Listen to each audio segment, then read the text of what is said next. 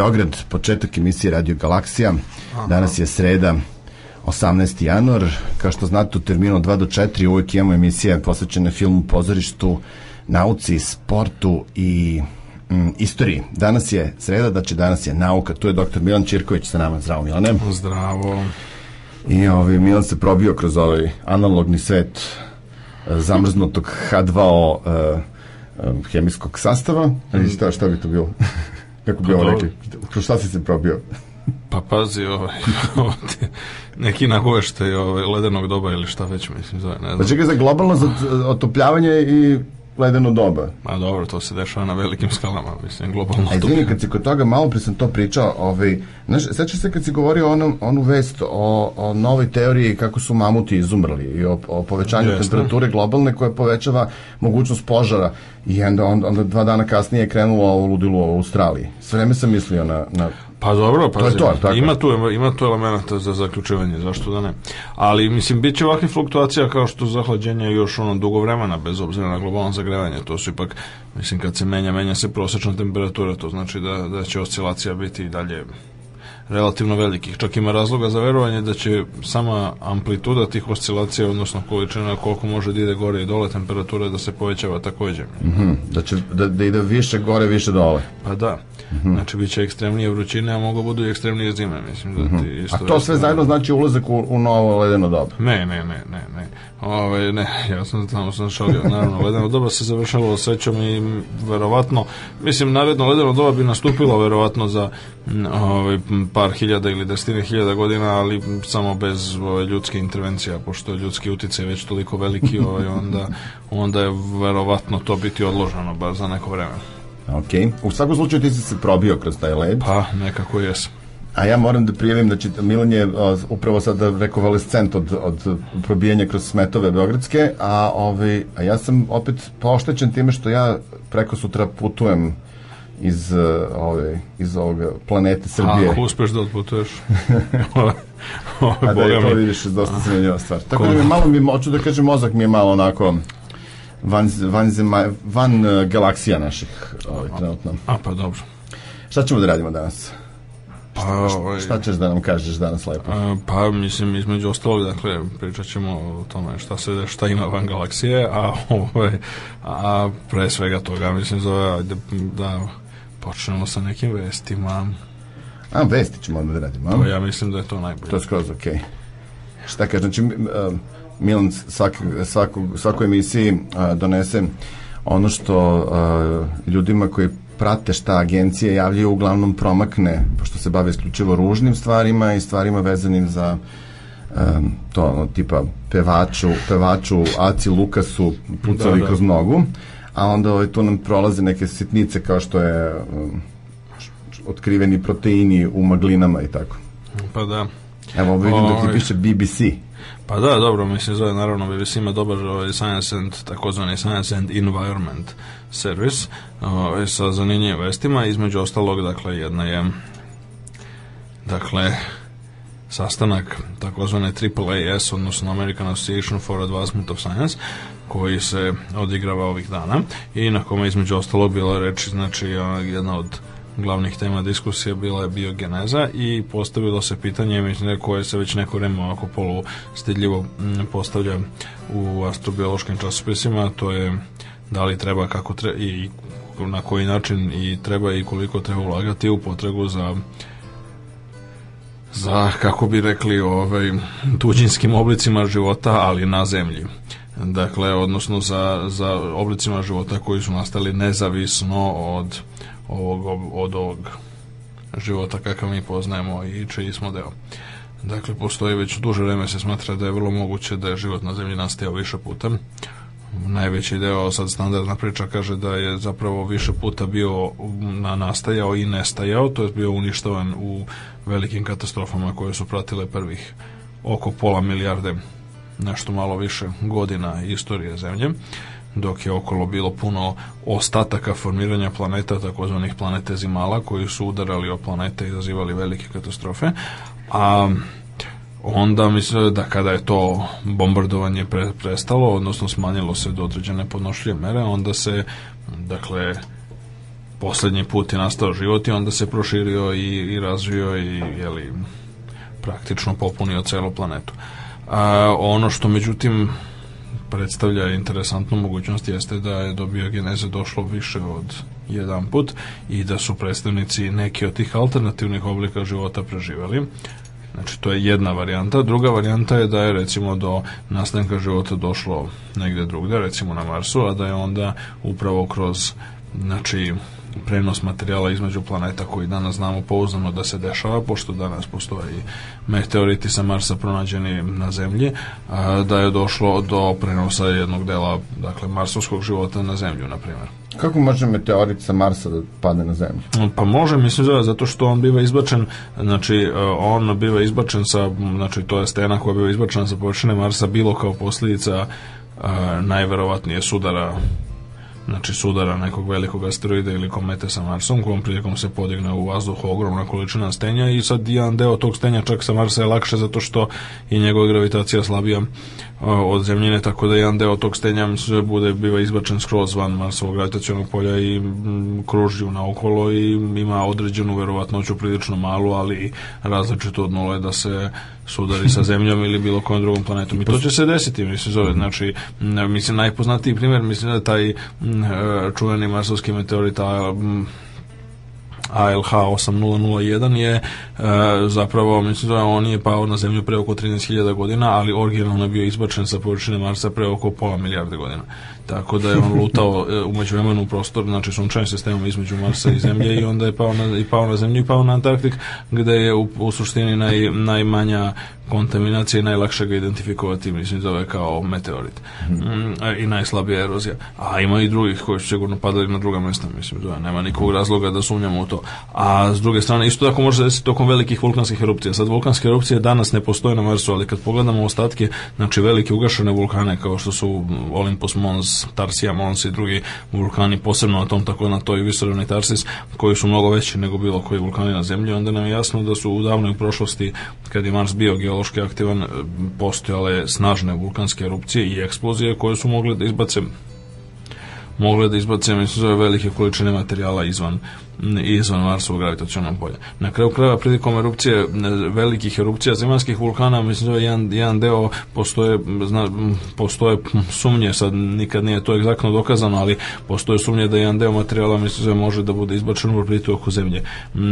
Što naravno i ne čudi toliko kad se zna da recimo prilikom erupcije Tambora 1815. godine ovaj, na, na Sumatri je zapravo odnosno u blizini Sumatre je stub znači pepela, mislim zove i stenja koji, koji je izletao iz vulkana dosegao vidljivi stup, ga je dosegao visinu od 80 km, tako da Tako da u tom kontekstu I odatle... na razvoj moderne umetnosti u sledećim decenijama, formirajući slikarstvo Tarnera, impresionista pa dobro, i zašto da ne, mislim, zove, zašto da ne, naravno, mislim, uticao između oslove, uticao i na glad, mislim, za koje, koje, u, da. koje je u Irskoj, mislim, za ono, samo u Irskoj izginulo, mislim, kažu oko 30.000 ljudi, ali, ali ono što je interesantno jeste da, znači, energije vulkana su jako velike, tako da oni potencijalno takođe mogu izbaciti delove tla u orbitu. E sad, e, znači, postavlja se pitanje sledeće, znači Paul Davis koji je on najistaknutijih on, astrobiologa današnjice je baš održao predavanje u Čikagu tamo na AAA mitingu pre par dana i onda je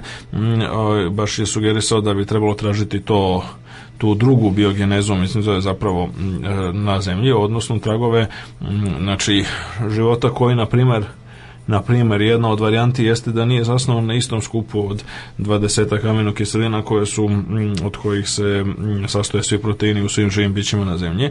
A, mm, samo proteina ima, mogućih aminokiselina ima na stotine, a oni koji začinjavaju proteine, mislim, ima samo dvadesetak, tako da velika je mogućnost varijacije kod alternativnih oblika života. Drugi način je, recimo, da se koriste druge baze umesto, mislim, zove, odnosno druga slova u genetskom kodu, mislim, zove umesto na četiri ili pet ovaj koja ako računamo i, i informacionu RNK mislim zove koja e, koji se nalaze u genetskom kodu svih živih bića današnjih zato što sva živa bića današnja su potekla za koja znamo su potekla od takozvanog jeli ove, ovaj, LCA, odnosno Last Common Ancestor, mislim, znači postoje je ne, neka vrsta, mislim, zove organ prvobitno, prvobitnog pretka svih nas koji je ne, zapravo utvrdio te stvari kao što su koje će se aminokiseline koristiti u sintezi proteina i koje će slova biti korišćena, mislim, zove prilikom zapisivanja genetskog koda, pa bez obzira koliko on bio dugačak ili kratak.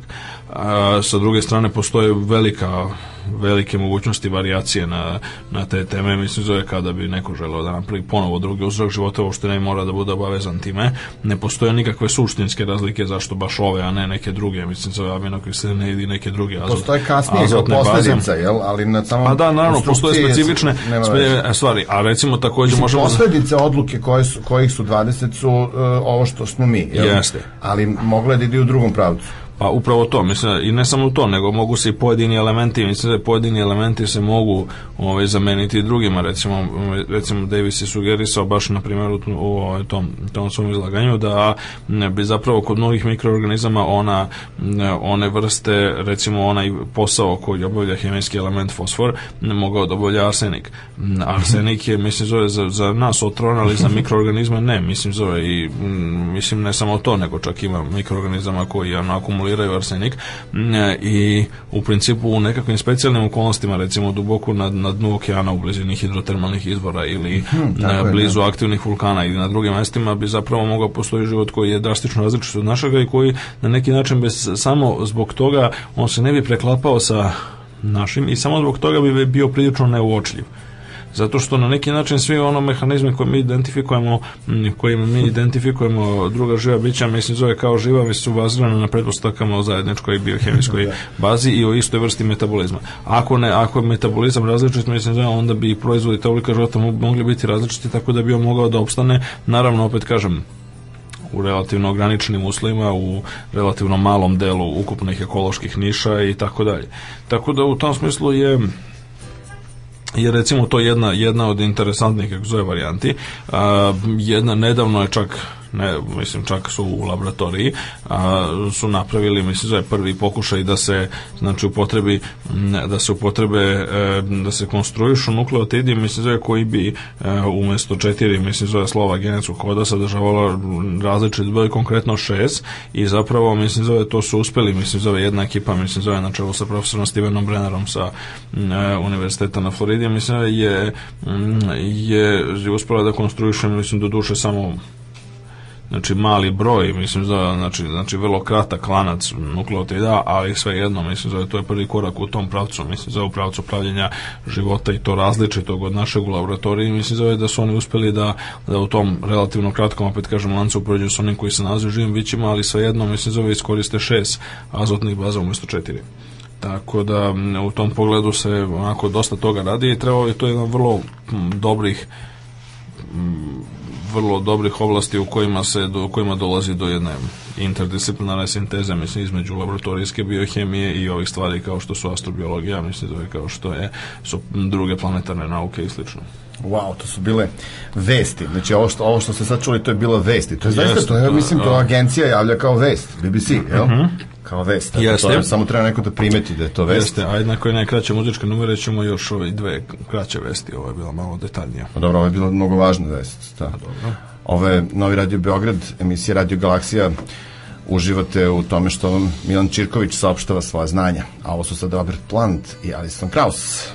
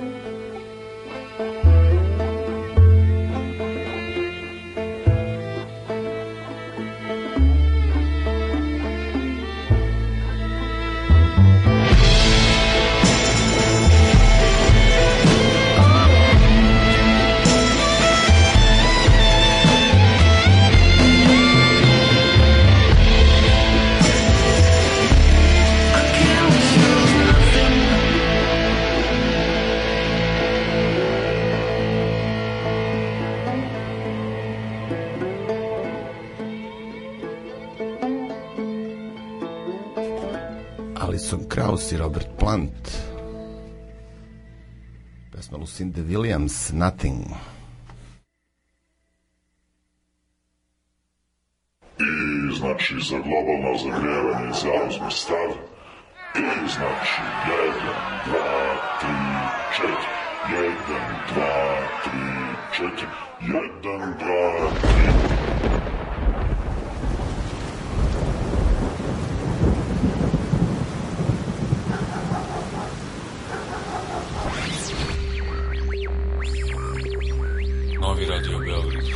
Radio Galaksija, Novi Radio Beograd, sredom od 2 do 4, Milan Čirković. Aha. A, e, vesti dalje. Pa vidiš, idemo dalje. Kad smo već pomenuli malo pre Arsenik, to je dobar šlagvord za drugu vest koja nam stiže iz Kine, mada je objavljena u Sjedinjenim državama u ponedjeljak u broju časopisa Proceedings od National Academy of Sciences u, od ponedjeljka, dakle gde su gde je saopšteno rezultati vrlo interesantne ove probne terapije leukemije, korišćenjem arsenika, ni manje ni više, i, ovaj, i još neke stvari kao što su vitamin A. I sad, ovo, ovo samo po sebi, mislim, zove na prvi pogled deluje, deluje pomalo ovaj, senzacionalistički, ali sa druge strane to je jedna od prvih studija koja se koja je objavljena sa jako dugačkim periodom vremena, tako da mm, je u principu oni su lekari u Hong Kongu su a, pratili skup od 85 pacijenata od leukemije tokom veoma dugačkog vremena, u proseku negde oko 70 meseci, tako da mm, je i kao posledica toga koristili su specijalan tretman sa veoma malim dozama, naravno arsenika i sa vitaminom A, mm, e, tako da koji je e, pretpostavljen, dakle e, pretpostaje postojala određena određena ideja o tome da bi on mogao da izazove remisiju znači raka koštane srži e, i ispostavilo se da sudeći po ovoj po ovome rezultatima koji su objavljeni u ponedjeljak da je to zaista veoma uspešan tretman pošto je čak 80 kod 80 pacijenata od 85 zapažena remisija i nisu pronađeni nikakvi dugoročni problemi mislim zove u koji obično prate leukemiju vezanu za rad pluća, srca i druge, i druge pojave sekundarnih tumora.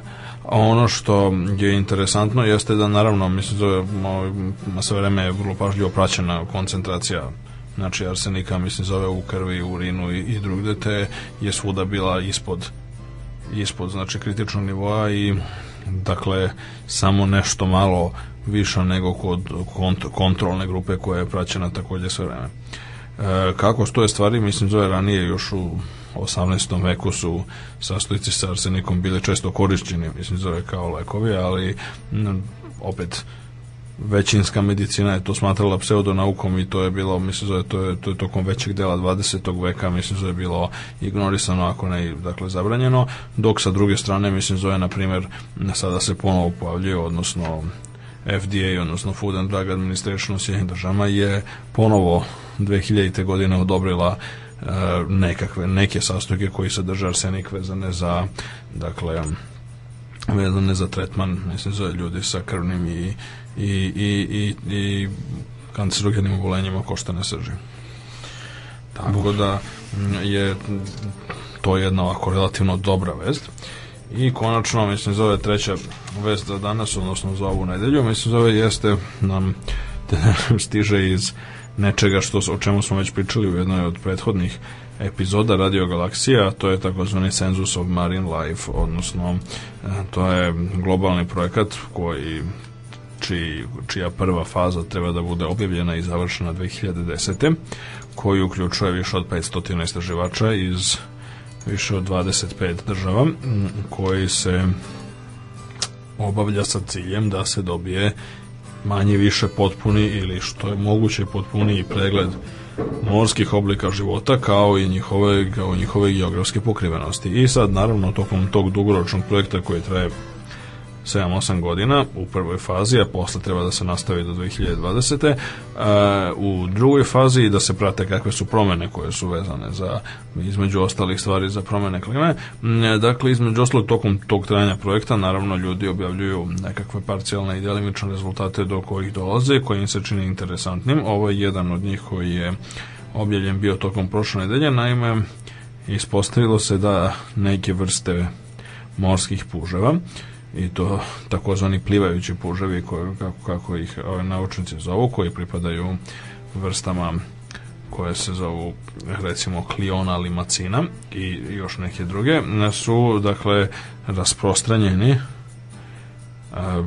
gotovo znači identična vrsta se nalazi da, na e, i na severnom i u okeanima mislim u blizini severnog i okeana u blizini južnog pola to je velika misterija zato što na kraju krajeva postavlja se veliko pitanje, mislim, zove kako su oni bili u stanju da dospeju, mislim, zove tako, ne, do, na, do suprotnih krajeva zemlje, zemlje, zato što je potpuno nevjerojatno, oni su, dakle, udaljeni nekih, ono, čak i ono, najkraćom, najkraćom linijom po površini zemlje, mislim, zove nekih 18 19.000 km, tako da u tom kontekstu mm, u tom kontekstu nije sasvim jasno, mislim, zove na koji način su mogli, to je, to je zaista, to otkriće je zaista začudilo ovaj, okeanografe i mm, marinske zoologe zato što prosto nije jasno mislim zove oni to su bića koja su prilagođena mislim zove na niske temperature duboko u okeanima znači u suštini u najvećem, na, najvećim delom ispod one, onog nivoa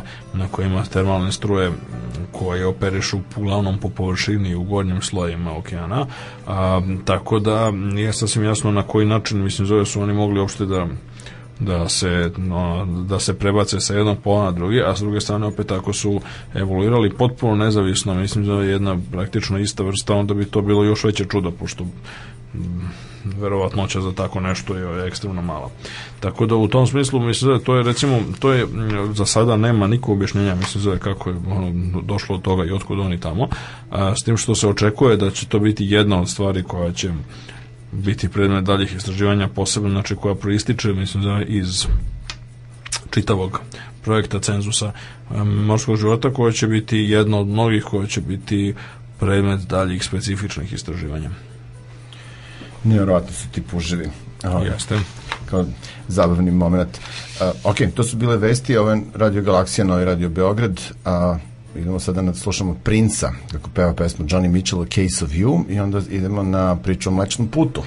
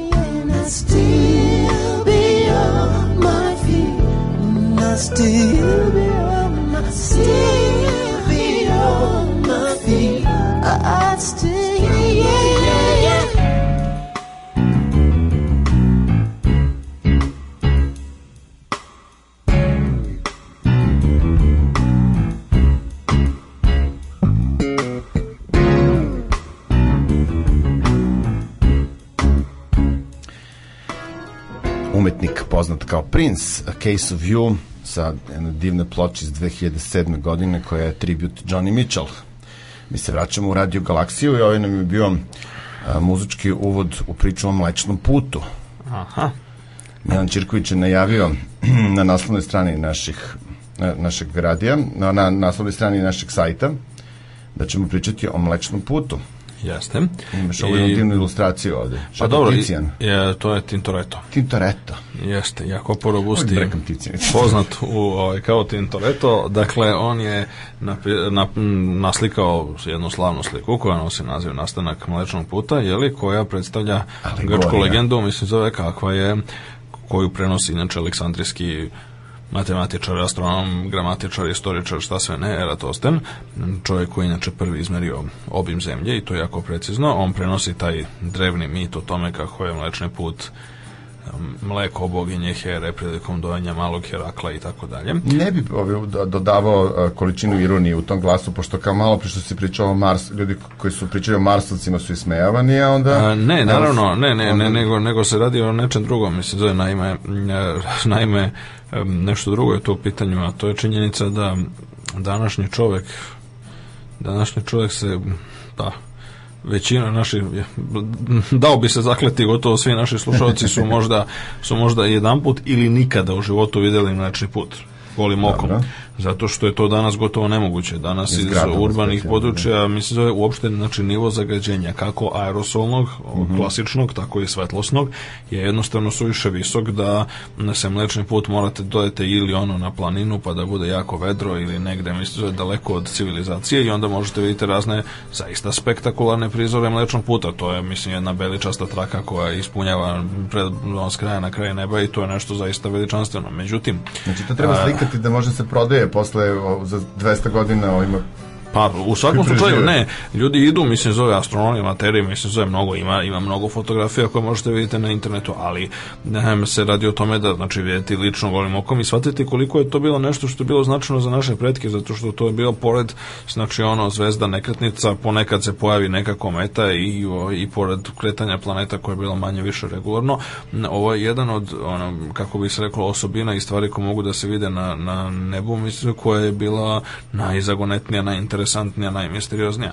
I sad, taj, e, ta čuveno Tintoretovo platno je, e, za, je naslikano negde između 1575. i 1580. ne znam se tačno, što je otprilike par decenija pre nego što je Galilej čiju opet da naglasim 400 godišnjicu slavimo ove godine, bio u stanju da prvim teleskopom zapravo shvati razluči, razdvoji taj mlečni put u pojedinačne zvezde i da tako potvrdi nekakve stare spekulacije koje su iznosili ljudi, mislim zove neki u antičkom svetu, recimo Demokrita, neki kasnije u arapskom e, svetu, da je zapravo mlečni put samo skup veoma mnogo zvezda jako malog sjaja koje su suviše blizu na nebu da bi ljudsko oko moglo da ih razdvoji. E sad, pore, mislim da je ta e, znači e, antička legenda je ostala u jednom smislu sa nama, naime ono je ono je ne poreklo samog naziva Mlečni put, a a s druge strane poreklo i naziva galaksija. Znači, ako god otišu u Grčku, mislim zovemo kad ode u samoposlugu, mislim zove hoće kupim mleko, vidi da tamo piše galaktos. Galaktos je mleko znači na grčkom, a ne, znači shodno tome izraz galaksija, mislim zove je nešto što je ekvivalentno izrazu našem terminu mlečni put, s tim što i to predstavlja suštinu one velike revolucije o kojoj u kojoj mm, sam hteo da pričamo danas, a jeste da smo mi danas shvatili da ne postoji samo jedna galaksija kako se nekada mislim zaverovalo, nego da, nego da ih ima jako mnogo i da je galaksija postala zajednička imenica pri čemu, mm, e, pri čemu znači kada se govori o mlečnom putu onda se obično piše galaksija sa velikim G znači kapitalizovano kada je znači ako je ono D Galaxy mislim onda je to onda se od to mlečni put a ako je samo ako je E Galaxy odnosno bilo koja galaksija onda se piše mali slom i odnosi se na svet od milijardi galaksija koje danas možemo da posmatramo savremenim teleskopom. Zapravo možemo tačno da kažemo i koliko ih ima zato što Tačno. Ako abstrahujemo, pa dobro, sa, mislim, re, relativno visokom preciznošću, mislim, zove sa greškom od par procenata, mislim, zove, znači ne, ne, ne, ne vidimo, ona, ali se radi o tome da mi možemo da, zato, zašto? Zato što postoje takozvana duboka polja, recimo, od kojih je najpoznatije Hablovo duboko polje. Postoji druga duboka polja koja su rađena nakon toga, South Deep Field, New Deep Field i tako dalje, koja nam zapravo služe da e, vidimo pre svega koliko duboko naši uređaj mogu da dopru i onda kada su to uradili prvi put, znači uz, negde u zimu 1995. 96. su držali usmeren Hubble osamirski teleskop, znači najbolji astronomski uređaj današnjice još uvek verovatno mm, e, usmeren upravljen u praznu tačku na nebu, znači prazno u smislu da to nije bilo nekih markantnih objekata koji su zabeleženi u postojećim katalozima, a, baš zato da bi se videlo koliko u jednom prosečno izabranom delu neba može da ima galaksija unutar jako malog vidnog polja. Znači, vidno polje Hubbleovog teleskopa, recimo u tom, u tom eksperimentu sa dubokim poljem je jako malo, ono je reda veličine nekih pola ugaonih minuta, što će reći da je da je recimo čitavih 60 puta manje nego što je prečnik punog meseca. Znači uzmemo pun mesec kakav vidimo na nebu pa ga izdelimo mhm. na 60 delova, jer toliko je mi se zove vidno polje Hubbleovog teleskopa tu i onda se ispostavilo da u tako malom delu deliću neba ima negde oko 1000 ne, mislim baš e, ja se 1600 i nešto izvora. E sad od tih koji su zabeleženi mislim znači oni su posmatrani jako dugo, znači oni su vršili ekspoziciju mislim zove u sva četiri filtra mislim zove recimo ukupno nekih 15 dana ili tako nešto je bio su su zakupljali uh, one redke fotone koji nam dolaze, mislim, ove iz, iz dubina da. svemira. E, a onda su ustanovili sledeću stvar, znači analizom samog, analizom samih potaka dobija se recimo 1600 nešto izvora. Od toga su jedno 50 zvezde koje se nalaze u našoj, na, na, u našoj blizini, u našoj galaksiji koje su, kako se to kaže, ne u backgroundu, nego u foregroundu, mislim, zove, da. znači neposledno ispred nas. Još negde oko stotinak komada su greške na, na, na detektoru, odnosno slučajni kosmički zaci koji su upali u detektor, e, znači, znači kvar na nekom pikselu i tako dalje što se takođe dešava, e, a preostalo sve, nekih nešto malo manje od 1500 objekata su druge galaksije.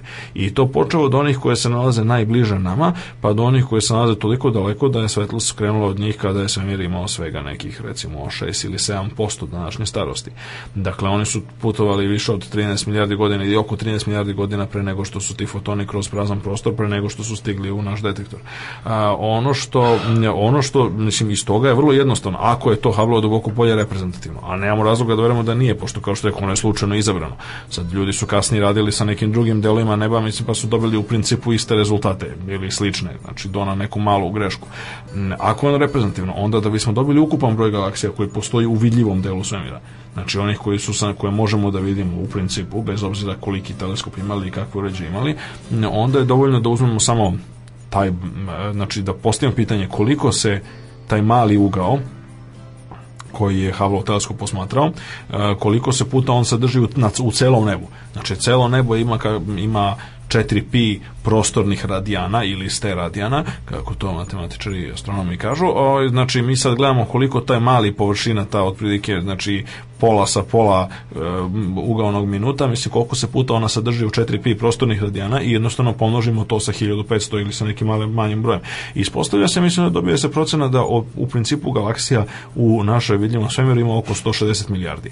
I to je u principu to, mislim, za više od toga, mislim, on, taj broj može da se menja za par procenata, mislim, za gore znači, i dole. Mlečni put je jedan od 160 milijardi galaksija jest, koje su tu jeste. okolo. E sad, mislim, zove, trebalo bi također istaći da većina od tih galaksija su manje galaksije od Mlečnog puta. Većina od tih galaksija su, većina su e, male galaksije, patuljaste galaksije ili manje od Mlečnog puta. Tako da, mislim, zove, tako da Mala da Mlečni put, Mlečni put jeste jedna od većih galaksija, mislim, generalno u proseku. Ona je veća od, od, od, od velike većine, verovatno veća od 90%, mislim, zove, ako ne i 95% svih galaksija u svemiru. A, međutim, činjenica jeste da mi danas znamo, mislim zove da su, znači ako bi trebalo jednom riječu odgovoriti na pitanje od čega se sastoji svemir, kako je uređena, kako je organizovana materija svemiru, onda je ona organizovana u obliku galaksija. I sad taj termin nam je ostao opet, dakle, iz grčkog i iz te legende, mislim zove, e, te drevne legende koje prinosi Eratostan o, na, o dojanju Herakla i nastanku mlačnog puta. Ali, pravi razlog zašto sam ja htio danas da govorimo o tome jeste što je jedna godišnjica interesantna prošla relativno skoro. E, dakle, baš početkom februara 1900, znači u noći između 5. i 8. februara, e, relativno skoro, 1924. godine, znači pre 85 godina, je čovjek po kome je nazvan svemenski teleskop, znači Edwin Powell Hubble, e, posmatrao prvi praktično imao je 3-4 vedre noći, mislim da je na observatoriji Mount Wilson u Kaliforniji i tokom koje je uspeo da uh, uradi nešto što predstavlja možda najveću pa kad se pogleda onako konceptualno, verujem sam za, za, zapravo izvesno najveću revoluciju u astronomiji u 20. veku i verovatno ono, drugu stvar nakon Kopernika i Galileja u ljudskoj istoriji, a to je upravo to, znači da razume da, da izmeri udaljenosti do drugih tada nazivanih još uvek spiralnih maglina i da pokaže da su one galaksije koje su ravnopravne našoj, našoj pa shodno tome da razreši tu drevnu dilemu koja je postojala negde od doba Immanuela Kanta na, na ovamo, a to je da li je znači, naš zvezdani sistem sa jedan jedinim istizove ili je samo jedan od brojnih mnogo takvih zvezdanih sistema širom svemira i na taj način je on uspeo praktično, mislim, koristeći ta posmatranja i određivanje udaljenosti do obližnjih, danas znamo obližnjih galaksija, tada se govorilo obližnjih maglina M31 i M33, da utvrdi zapravo na taj način uspio da poveća svemir poveća su svemir u smislu onako kako su, kako su ga ljudi sagledavali ljudsko shvatanje svemira bukvalno milionima puta. Tako da mm, je to otkriće inače objavljeno, mislim da je praktično on je, mm, to je objavljeno na sastanku Američkog astronomskog društva 1. Mm, januara 1925. što je jako interesantno, pošto sastanak se održava bukvalno znači, od 30. decembra, mislim da je negde do 2. ili 3. januara, što je interesantno, pošto pokazuje da se za novu godinu tada radilo, mislim da je, dakle oni su 1. januara bukvalno, mislim da je i Henry Norris Russell Bilo pročitao, radio.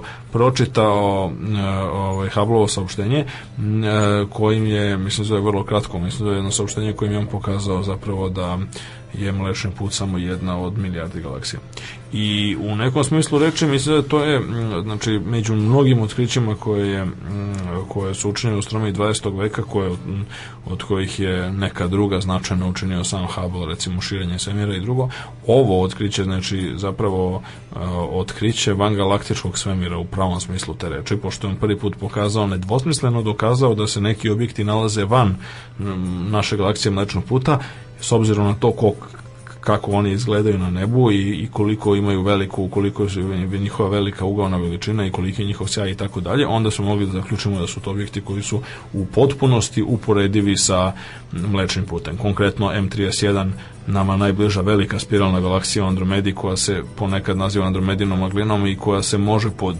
jako povoljnim uslovima videti i kao jedan mali oblačić a, i golim okom. Dakle, M31 je danas... Jesi ti video nekada? Ne, nisam, nisam zaista. Međutim, da li doduše, ja, ja sam loš posmatrač inače, mislim, za, Ja, ja teško razabirem i ove, ove, ove, jasno vidljive zvezde i sadveđe i tako dalje, a, a kamoli te neke stvari koje su na samoj granici vida. E, dakle, e, M31 je jedan od nekoliko, svega par objekata, mislim, zove, koji se mogu vidjeti golim okom. Na južnoj hemisferi mogu se vidjeti Magellanovi oblaci, mislim, zove, recimo, to je, to je, da. ove, ovaj, na primjer, ali to treba dodati na južnu hemisferu. E, recimo, na severnoj hemisferi može se vidjeti M31 i neki kažu o tome postoji prilično velika kontroverza među astronomima amaterima da se može vidjeti i M33 odnosno spiralna galaksija u Troglu u sabređu Trogao koja je na samoj granici vida ona otprilike mislim zove moguće je da ljudi baš sa izuzetno razvijenim oštrim okom mislim zove i pri idealnim vremenskim uslovima negde visoko na planini u zimi u, u kad je hladan vazduh, mislim zove, mogu da vide i M33, znači u principu ima svega 3-4 objekta koje mogu da se eventualno vide a, ko, golim okom, znači pre, tele, pre razvitka teleskopa, a koja ne spadaju u našu galaksiju Mlečni put. A izvini, da li je previše romantično ili tu ima elemenata e, realnog shvatanja stvari? To što, što sam ja užasno uzbuđen kada uvek shvatim da kada ti vidiš e, galaksiju, da tebe bukvalno dodiruju delići postojanja koji su odande krenuli pre toliko vremena i da se to da se svi ti fotoni ta energija meša sa sve vreme sa našom energijom tu svuda oko nas i da je to jako uzbudljivo.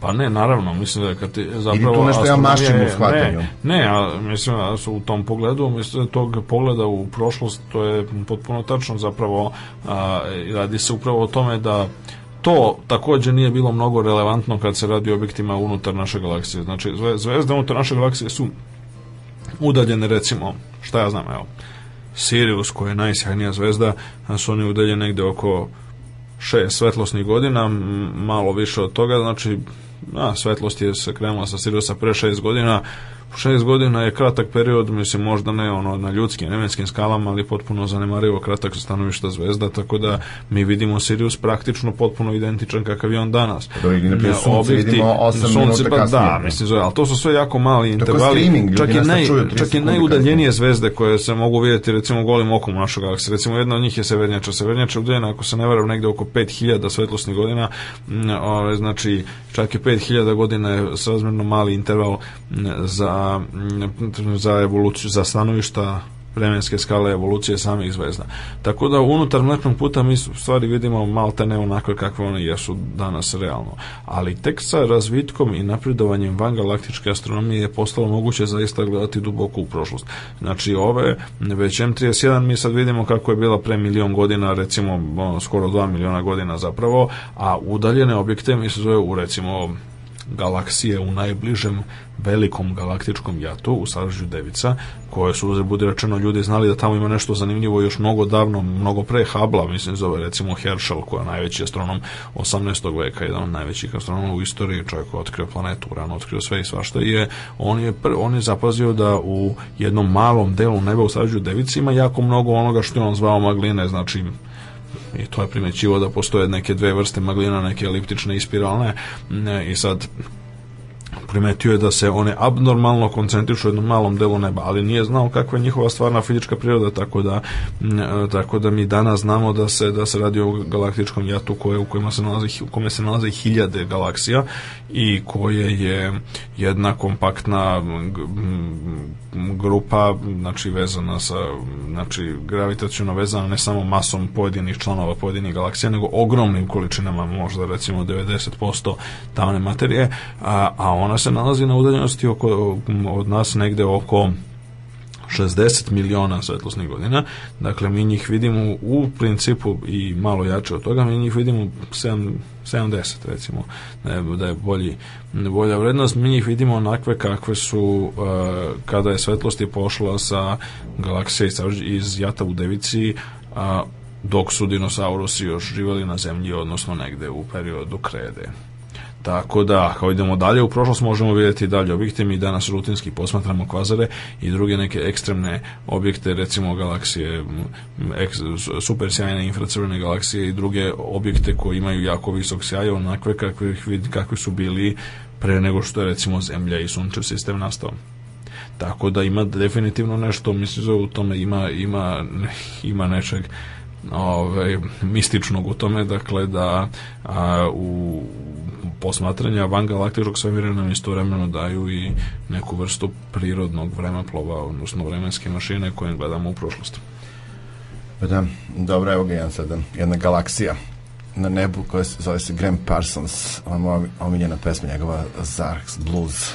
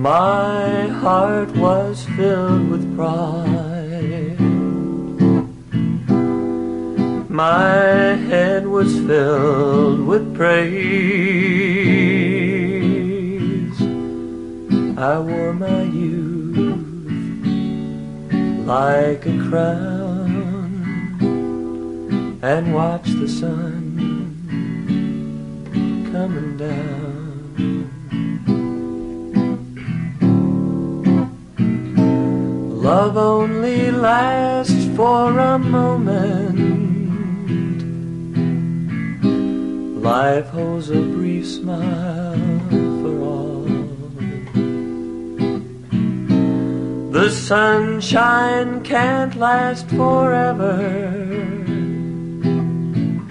And soon the night must fall.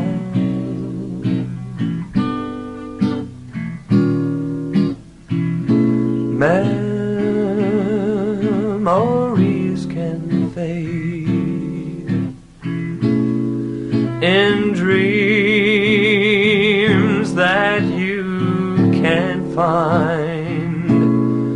you'll finally reach the end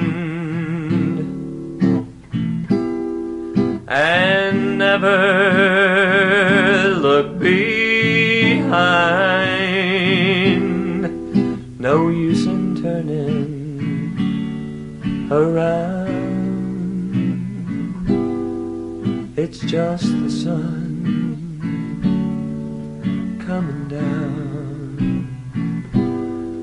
No use in turning around. It's just the sun coming down. It's just the sun coming down.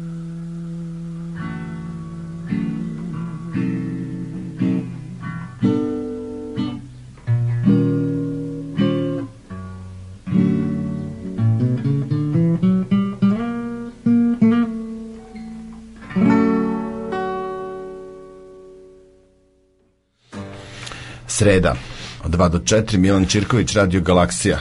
Danas ne, smo da. bukvalno u radio u galaksiji, samo ne Jeste. radio nekom mlečnom putu. Pa dobro, to je radio Kumova slami. Što mi kažemo kumova slami? E pa, postoji neka priča, mislim neka legenda o tome koja tačno ne znam, ali to ćemo pozvati našeg ovaj prijatelja i kolegu Nikolu Božića da, koji se bavio da- etnoastronomijom, da, da nam objasni. Jeste, pa da, mislim, ima ljudi, mislim, na kraju krajeva, znači, ima tih nekoliko, mm, ajde, da kažemo tako, interdisciplinarnih oblasti koje se tiču, mislim, toga, znači, etnoastronomija, arheoastronomija doživjela veliki procvat od kad su ljudi shvatili, recimo, Sir Fred Hoyle, ali ne samo on, nego i mnogi drugi, recimo, da na primjer mnoge antičke građevine recimo Stonehenge je zapravo bio observatorija i mm -hmm. mnoge druge mislim zove tamo Babilon. u, Kusku u Babilonu mislim u brojnim drugim lokacijama tako da očigledno je da su astronomski fenomeni igrali veliku ulogu pa nije ni čudo da se astronomija razvila mislim zove kao najstarija nauka po no, svim ozbiljnim istoričarima nauke A, međutim to se sve odnosilo na relativno bliske bliska tela pre svega tela sunčevog sistema a već zvezde nekretnice su bile po sebi misterija, a mlečni put kao takav, mislim, posebno, jer u momentu kada je Galilej, znači 1610. svojim teleskopom prvi razdvojio mlečni put u sitne zvezde, onda se postilo zanimljivo pitanje, dobro, a zašto se onda toliko sitnih zvezda koncentriše u tom relativno malom mislim i dalje jako velikom vizualno, ali opet relativno malom delu neba, kako je obuhvata ta traka mlečnog puta. I sad priča o tome kako smo mi razumeli, to je priča o našem razumevanju strukture našeg zvezdanog sistema, a ako razumemo strukturu našeg zvezdanog sistema i danas bismo rekli naše galaksije, onda razumemo i arhitekturu svemira na velikoj skali, kako se to često kaže. I sad prvi korak koji je napravljen u tom pravcu je napravljen u 18. veku i u 18. veku se To je prilično interesantna priča, su dvojica ljudi, Thomas Wright relativno nepoznat, mislim, zove u Engleskoj i Immanuel Kant jako poznat jeli, kao filozof u, u Nemačkoj, odnosno u Königsbergu, danas je to, danas je to Rusija, Kaliningradu. E, dakle, znači oni su učinili na neki način postavili, mislim zove tu, taj, tu scenografiju za e, naše razumevanje arhitekture svemira na velikoj skali. Wright je bio i veoma interesantna ličnost po osnovnom, osnovnom opredeljenju arhitekta putopisac, tako vrlo interesantan tip, mislim da je dao recimo prvi opis antikviteta u Irskoj, to je zapravo po tome generalno najpoznatiji, mislim što je pisao putopise po britanskim ostrovima po kojima se kretao uglavnom pešice i međutim ono što je interesantno za NASA što su otkrili zapravo tek na neki način izvadili i zaborava tek m, mm, savremeni istoričari nauke su mm, dve stvari. Prva stvar, on je 1742. napisao knjigu pod nazivom Clavis Celestis, odnosno u bukvalnom prevodu Ključevi neba. A, e sad, uprkos tome što, e sad on ima vrlo interesantno, znači e, njega, on je, taj naslov je na latinskom, ali već pod naslov je na engleskom koji glasi Being Explication of a Diagram entitled A Synopsis of the Universe or the Visible Invisible World i Pitomized, a dakle njegov podnaslov, mislim, zove tako komplikovan i, i, i rogobatan kakav jeste, je zapravo ukazuje na to da knjiga, uprkos latinskom naslovu, knjiga je pisana na engleskom i to je a, ono što je interesantno, to je prva knjiga za astronomiju koja je pisana na engleskom.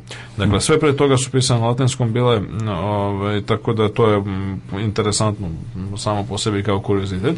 A druga stvar, mislim, zove 1750. on objavio An Original Theory of the Universe, odnosno, kako bi se reklo, originalnu teoriju svemira i u to vreme nije bilo niko nikako čudno da nikako čudo da se nešto tako nazove, mislim da odnosno da knjiga nosi tako bizaran naziv danas o originalna teorija svemira i tako to u kojoj je on zapravo sugerisao nešto što mm, je ostalo a, istinito i do našeg dana, naime objašnjenje zašto mi vidimo mlečni put kao relativno usku traku nebu, pa odgovor je zato što smo mi deo tog velikog zvezdanog sistema koji u suštini ima planarni karakter, odnosno koji je veoma ravan, u smislu da je nalik na palačinku ili već nalik na kompakt disk. Mislim, da danas znamo u principu da je mlečni put, znači naša galaksija kao i druge spiralne galaksije su vrlo tanki sistemi, u smislu da se ogromna većina zvezda nalazi skoncentrisana u malom delu, recimo u na primer 100 parseka. Parsek je u principu jedinica za merenje udaljenosti astronomije koja je zvanična. Ovo svetlosna godina to je onako više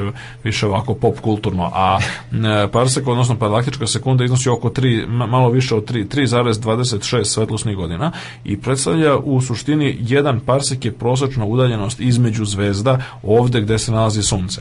Znači nama najbliža nama najbliži zvezdani sistem Alfa Centauri e, je udaljen negde oko 1,3 parseka, eto. A jedan parsek je u u suštini neka srednja vrednost prosečne udaljenosti između dve zvezde tu jesmo. E sad, naša galaksija, znači Mlečni put, danas znamo, je to je jedan disk koji s kraja na kraj, mislim, zove, znači, ono, otprilike od jednog do drugog ruba, mislim, zove, ima negde oko 30 hiljada parseka, znači 30 kiloparseka, a u suštini je debeo jako malo, mislim, zove, na mestu gde se nalazi sunce, mislim, zove, on je debeo možda, recimo, 200 parseka, mislim zove, ili tako mhm, nešto. Mhm. Znači, on je u principu, u principu odnos između, e, u proseku gledano, mislim zove, menja se to naravno, mislim zove, zavisno se od položaja u, u galaksiji, odnosno u, u, u ravni diska, ali u proseku gledano galaksija je najpribližnija, najsličnija nekom kompakt disku. Znači, odnos između prečnika i debljine je negde recimo oko 50 prema 1 ili više, mislim zove, tako da... da znači, malo e, deblja da ona, e, Jeste, mislim zove... Više somun nego plaćenje. Pa ne, ne, ne, to je već suviše debela, mislim, ne, da. ne znači, mnogo je malo tanje.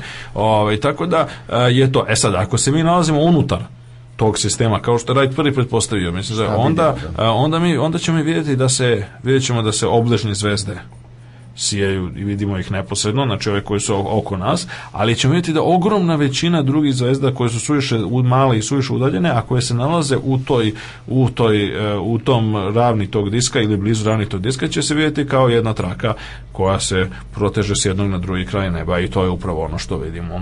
I sad to je bila, mislim da je to objašnjenje mislim prilično tačno i e sad ono što je interesantno jeste da Wright je bio praktično zaboravljen odmah, a nije ni tako čudno mislim da je, zato što njegova metoda, njegove metode uopšte nisu bile onako posmatačke, astronomske i empirijske, mada je on jeste projektovao jednu od prvih e, observatorija, prvo, prvu lokaciju, on je kao arhitekta projektovao prvu lokaciju, jednu od prvih observatorija u Europi, to je jedna kula, mislim, zove u Sussexu, a, dakle, koja i dan danas postoji, a, dakle, a, on je, on je međutim pristupao stvarima, mislim, tim astronomskim stvarima više s jednom mističnom stanovišta. On je recimo između oslo kad je jednom zaključio da je naš sistem, da je naš zvezdani sistem u obliku diska pritiska, on je zaključio da sunčev sistem mora da se nalazi daleko na periferiji daleko od centra tog sistema, što danas također znamo da je tačno.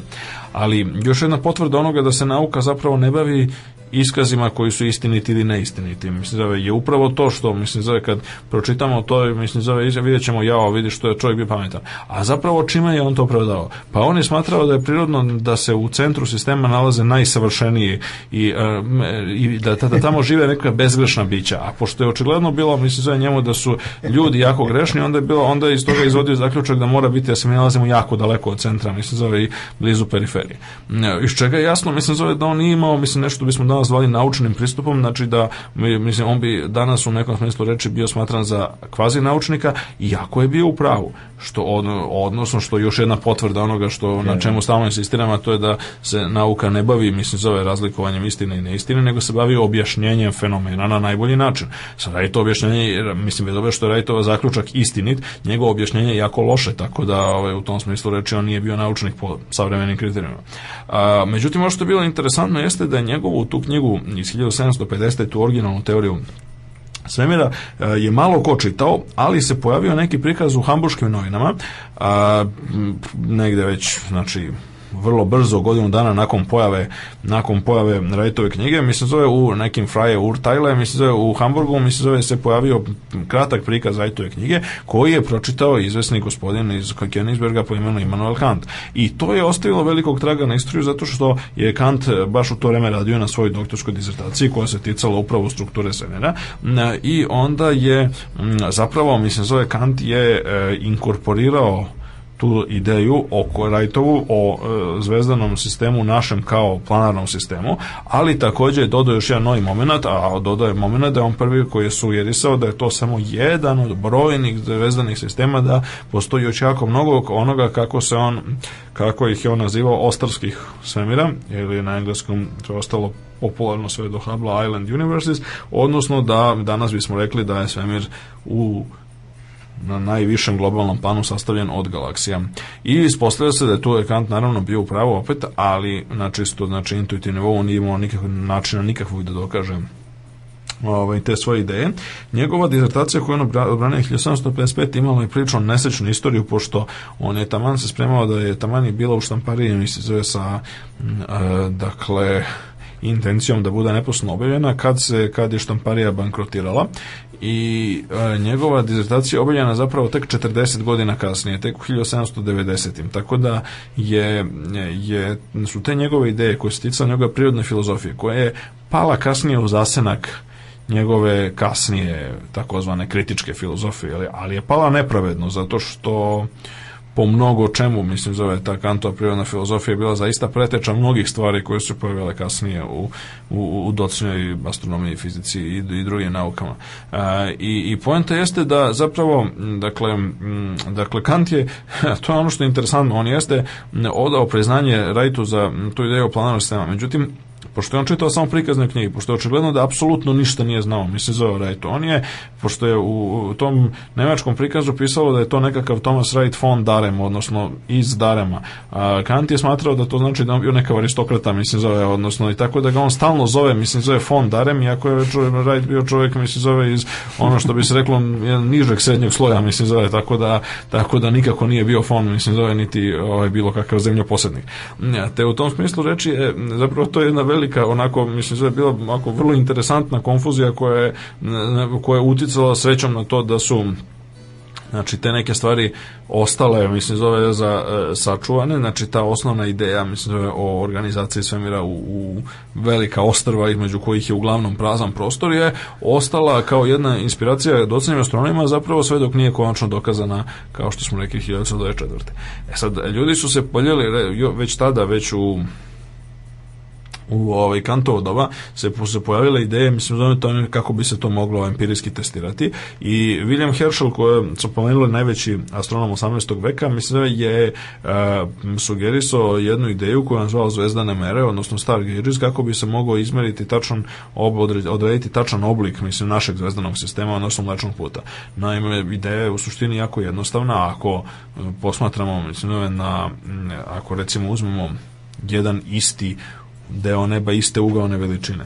Znači, posmatramo recimo, ne znam, evo, jedan kvadratni ugaoni minut recimo u jednom smeru, pa onda okrenemo teleskop za neki ugo, posmatramo u drugom smeru, pa okrenemo teleskop opet, pa onda čekamo, ne znam, da prođe šest meseci da Zemlja bude na drugom kraju orbite, pa posmatramo opet neki, neki treći, četvrti, peti i tako izaberemo jedan e, deo reprezentativnih uzoraka i onda u svakom od tih malih delova neba izbrojimo zvezde e, i ako onda utvrdimo da recimo u jednom, e, na, na, u jednom pravcu ima 100 zvezda, u drugom ima 50 i tako dalje, onda bismo na osnovu toga mogli rekonstruisati rekonstruisati kao znači metodom ono finih proba, mislim rekonstruisati kako ne, znači kako izgleda opšti opšti oblik našeg zvezdanog sistema. I sad na prvi pogled to je stvarno razumno, mislim, zove i sve to tako lepo deluje. E, međutim, problem jeste u tome što se ta e, onako, ta konceptualno jednostavna ideja i konceptualno jednostavni program istraživanja zapravo ekstremno težak za sprovesti u praksi. Pogotovo u Herschelovu davno doba kada nije bilo čak ni fotografije, mislim da ni fotoploče, nego su sva posmatranja bila vizualna, znači čovjek je gledajući kroz teleskop morao da, znači ako hoće da izbroji zvezde, on je morao da ih zaista izbroji, mislim da je, znači svojim okom. E, a to je ekstremno teško, pošto mislim da obaška što je poduzmevao, znači male razlike, znači u svakom polju na nebu, najveći deo broja zvezda će uvijek otpadati na one koji su najmanjeg sjaja. Oni koji su na samom rubu vidljivosti. Što će reći? Da vrlo mala razlika recimo u prozračnosti atmosfere, vrlo mala razlika u oblačnosti. Ima tankih oblaka koje vi ne možete vidjeti golim okom, a koje se raspoznaju tek, mislim, zove kad oni prođu preko linije vida, mislim, zove kroz linije vida vašeg teleskopa, pa ti e, on, tek onda se zapaziš da, da su ti neke zvezde nestale koje su bile tu, mislim, zove da malo pre nestale. E, onda obaška što, mislim, brojanje jako slabih izvora. Izuzetno teško, mislim Dakle, izbrojati, mislim, zove izvore, znači to je, mm, e, izbrojati, mislim, to, to, to se može vrlo lako, mislim, zove proveriti, znači kada god imate neke izvore jako slabe svetlosti, gledate u daljini, mislim, na primjer, ne znam, ne, ne, odete daleko van grada ili ne znam, iz aviona i pokušate raspoznate da izbrojite, ne znam, koliko ima uličnih svetiljki i tako da vidjet ćete, to je ekstremno težak, težak zadatak i sve u svemu, mislim, zove, to je taj program Herschelov, Herschelov određivanja e, oblika mlečnog puta putem zvezdanih mera je bio jako interesantan, ali ne ostvariv u praksi. On je do kraja života jako je napravio najveći teleskop svog doba, specifično mislim zove za, za to za potrebe toga i praktično čitavih zadnjih 15-20 godina života proveo, mislim da je u pokušajima, mislim zove da, da, da odredi znači, oblik mlečnog puta, to nije uspeo, a nisu uspeli ni brojni njegovi naslednici, uključujući prvo njegovog sina Sir Johna a, koji je bio predsednik Kraljevskog društva i jedan od najuglednijih naučnika tog doba, svog doba, i koji je uzeo, bude rečeno, izmislio termin fotografija. Mm, I ne samo što je izmislio termin fotografija, nego izmislio termine pozitiv i negativ, svi te termini su korišćeni originalno, mislim zove kao u astronomskom diskursu kao znači tehnički i astronomski izrazi, pre nego što su otiv postali zajedničke imenice, a, i mnogi drugi ljudi, znači najveći, tokom celog 19. veka postojala je ideja, znači ljudi kao što su Struve, Lord Ross, Kapten i drugi, znači su pokušavali da urade isto to, da odrede znači, u, kojem u kojim pravcima na nebu se vidi više zvezda nego u, u nekim drugim e, i da na taj način odrede oblik noćnog puta i u principu svi su, gotovo niko od njih nije uspeo u tome, odnosno najbolje što su oni vladili jeste bilo ono da, e, da se dobije da je dona neku statističku grešku i dona neku neodređenost broj zvezda u svim pravcima isti. I to je ono što je motivisalo kaptena koji je bio poslednji i možda najveći među tim među tim posmatračkim ovaj, ljudima koji su se bavili bavili celim tim Herschelovim programom. Mm, dakle da kapten je organizovao čitavu međunarodnu kolaboraciju. On je organizovao 14 observatorija širom sveta, mislim zove, znači organizuje uspio da mobiliše jako veliki broj ljudi da, da, da, da rade na tome. I opet je uspio da dobije mislim zove, da manje više kod god pogleda na nebu vidi isti broj zvezda iz čega je izveo zaključak koji je nazvao kaptenom model ili Kaptain Osamir koji je mm, e, izvao zaključak najprirodniji mogući da, iz toga, a to je da mislim zove da se sunce nalazi blizu, odnosno sunčev sistem i zemlja se nalaze u centru, dakle ili blizu centra galaksije, odnosno blizu centra našeg zvezdanog sistema. Kaptenov model je bio relativno mali. On je pretpostavljao da su zvezde raspoređene u nekakvom elipsoidu, otprilike, mislim, zove oko 15 1000 e, parseka, 15 kilo parseka današnjom rečem od kraja na kraj, koji je negde oko 2 2000 parseka po debljini na, naj, na najšire mestu i da se sa sunce nalazi praktično u centru, mislim, zove tog sistema i da van njega nema ništa. I mhm. taj kapteno model, kaptenov svemir bio jako uticajan na krajem 19. i u prvim decenijama 20. veka.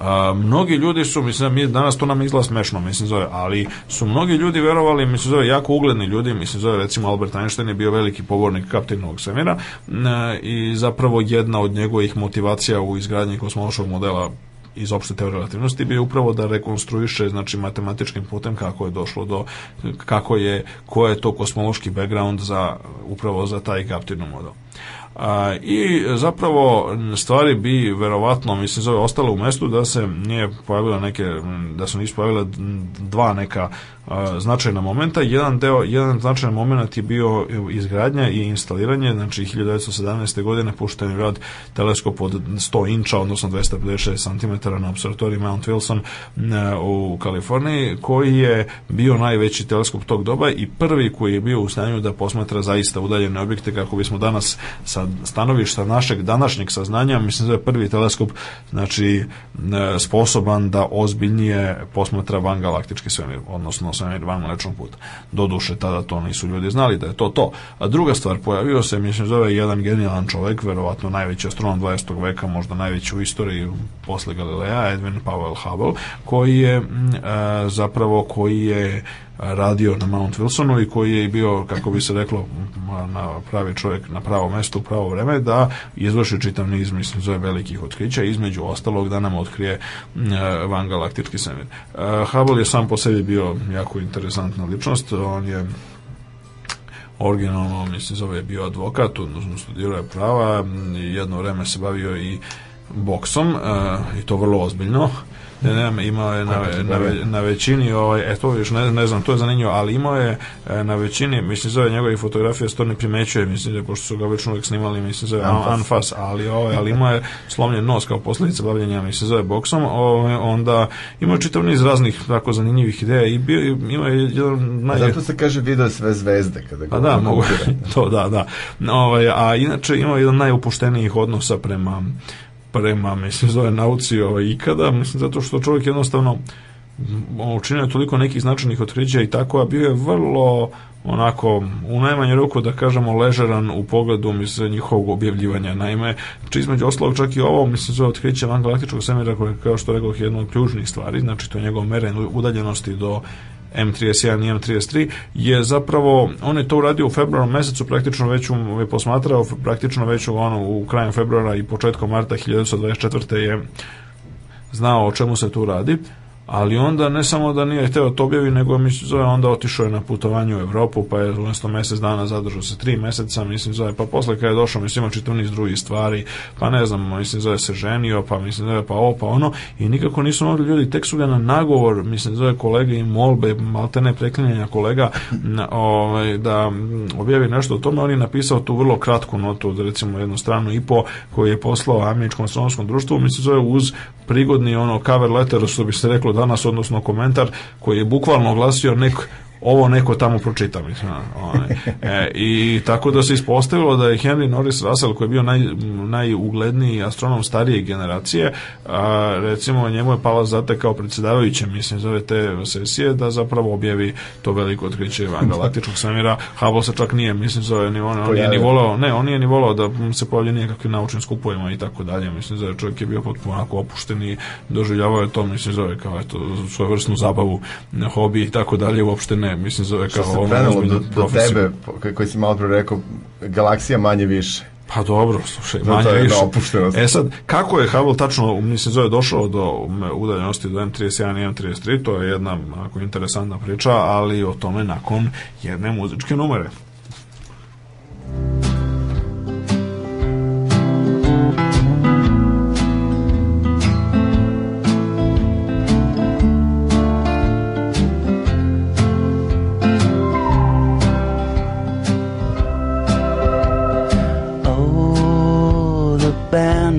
passed on information.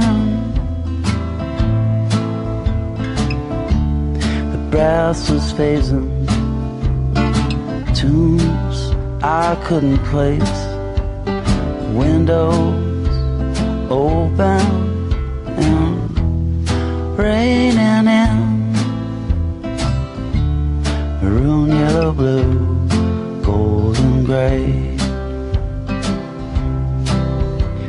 drunks ricocheting. The old buildings downtown empty so long ago.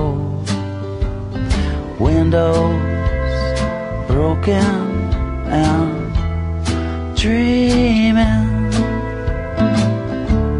So happy to leave what was my home. with the sky blue sky. This rotten time wouldn't seem so bad to me now. Oh, I didn't die. I should be satisfied. I survived. It's good enough for now.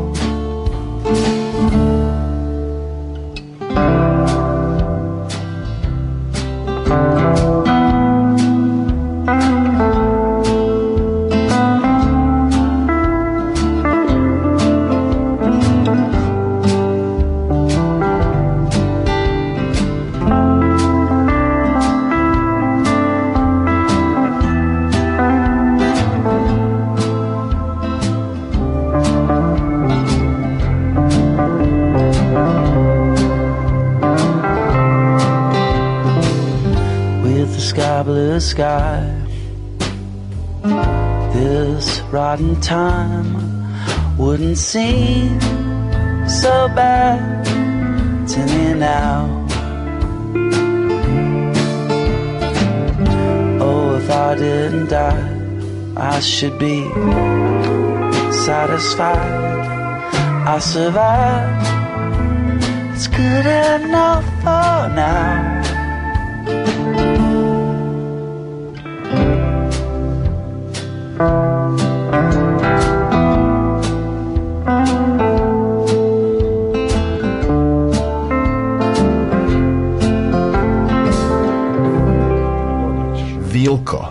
Sky, Blue Sky, e, da. Radio Galaksija. Milan Čirković je tu, uživamo u njegovim e, saznanjima koje deli sa nama.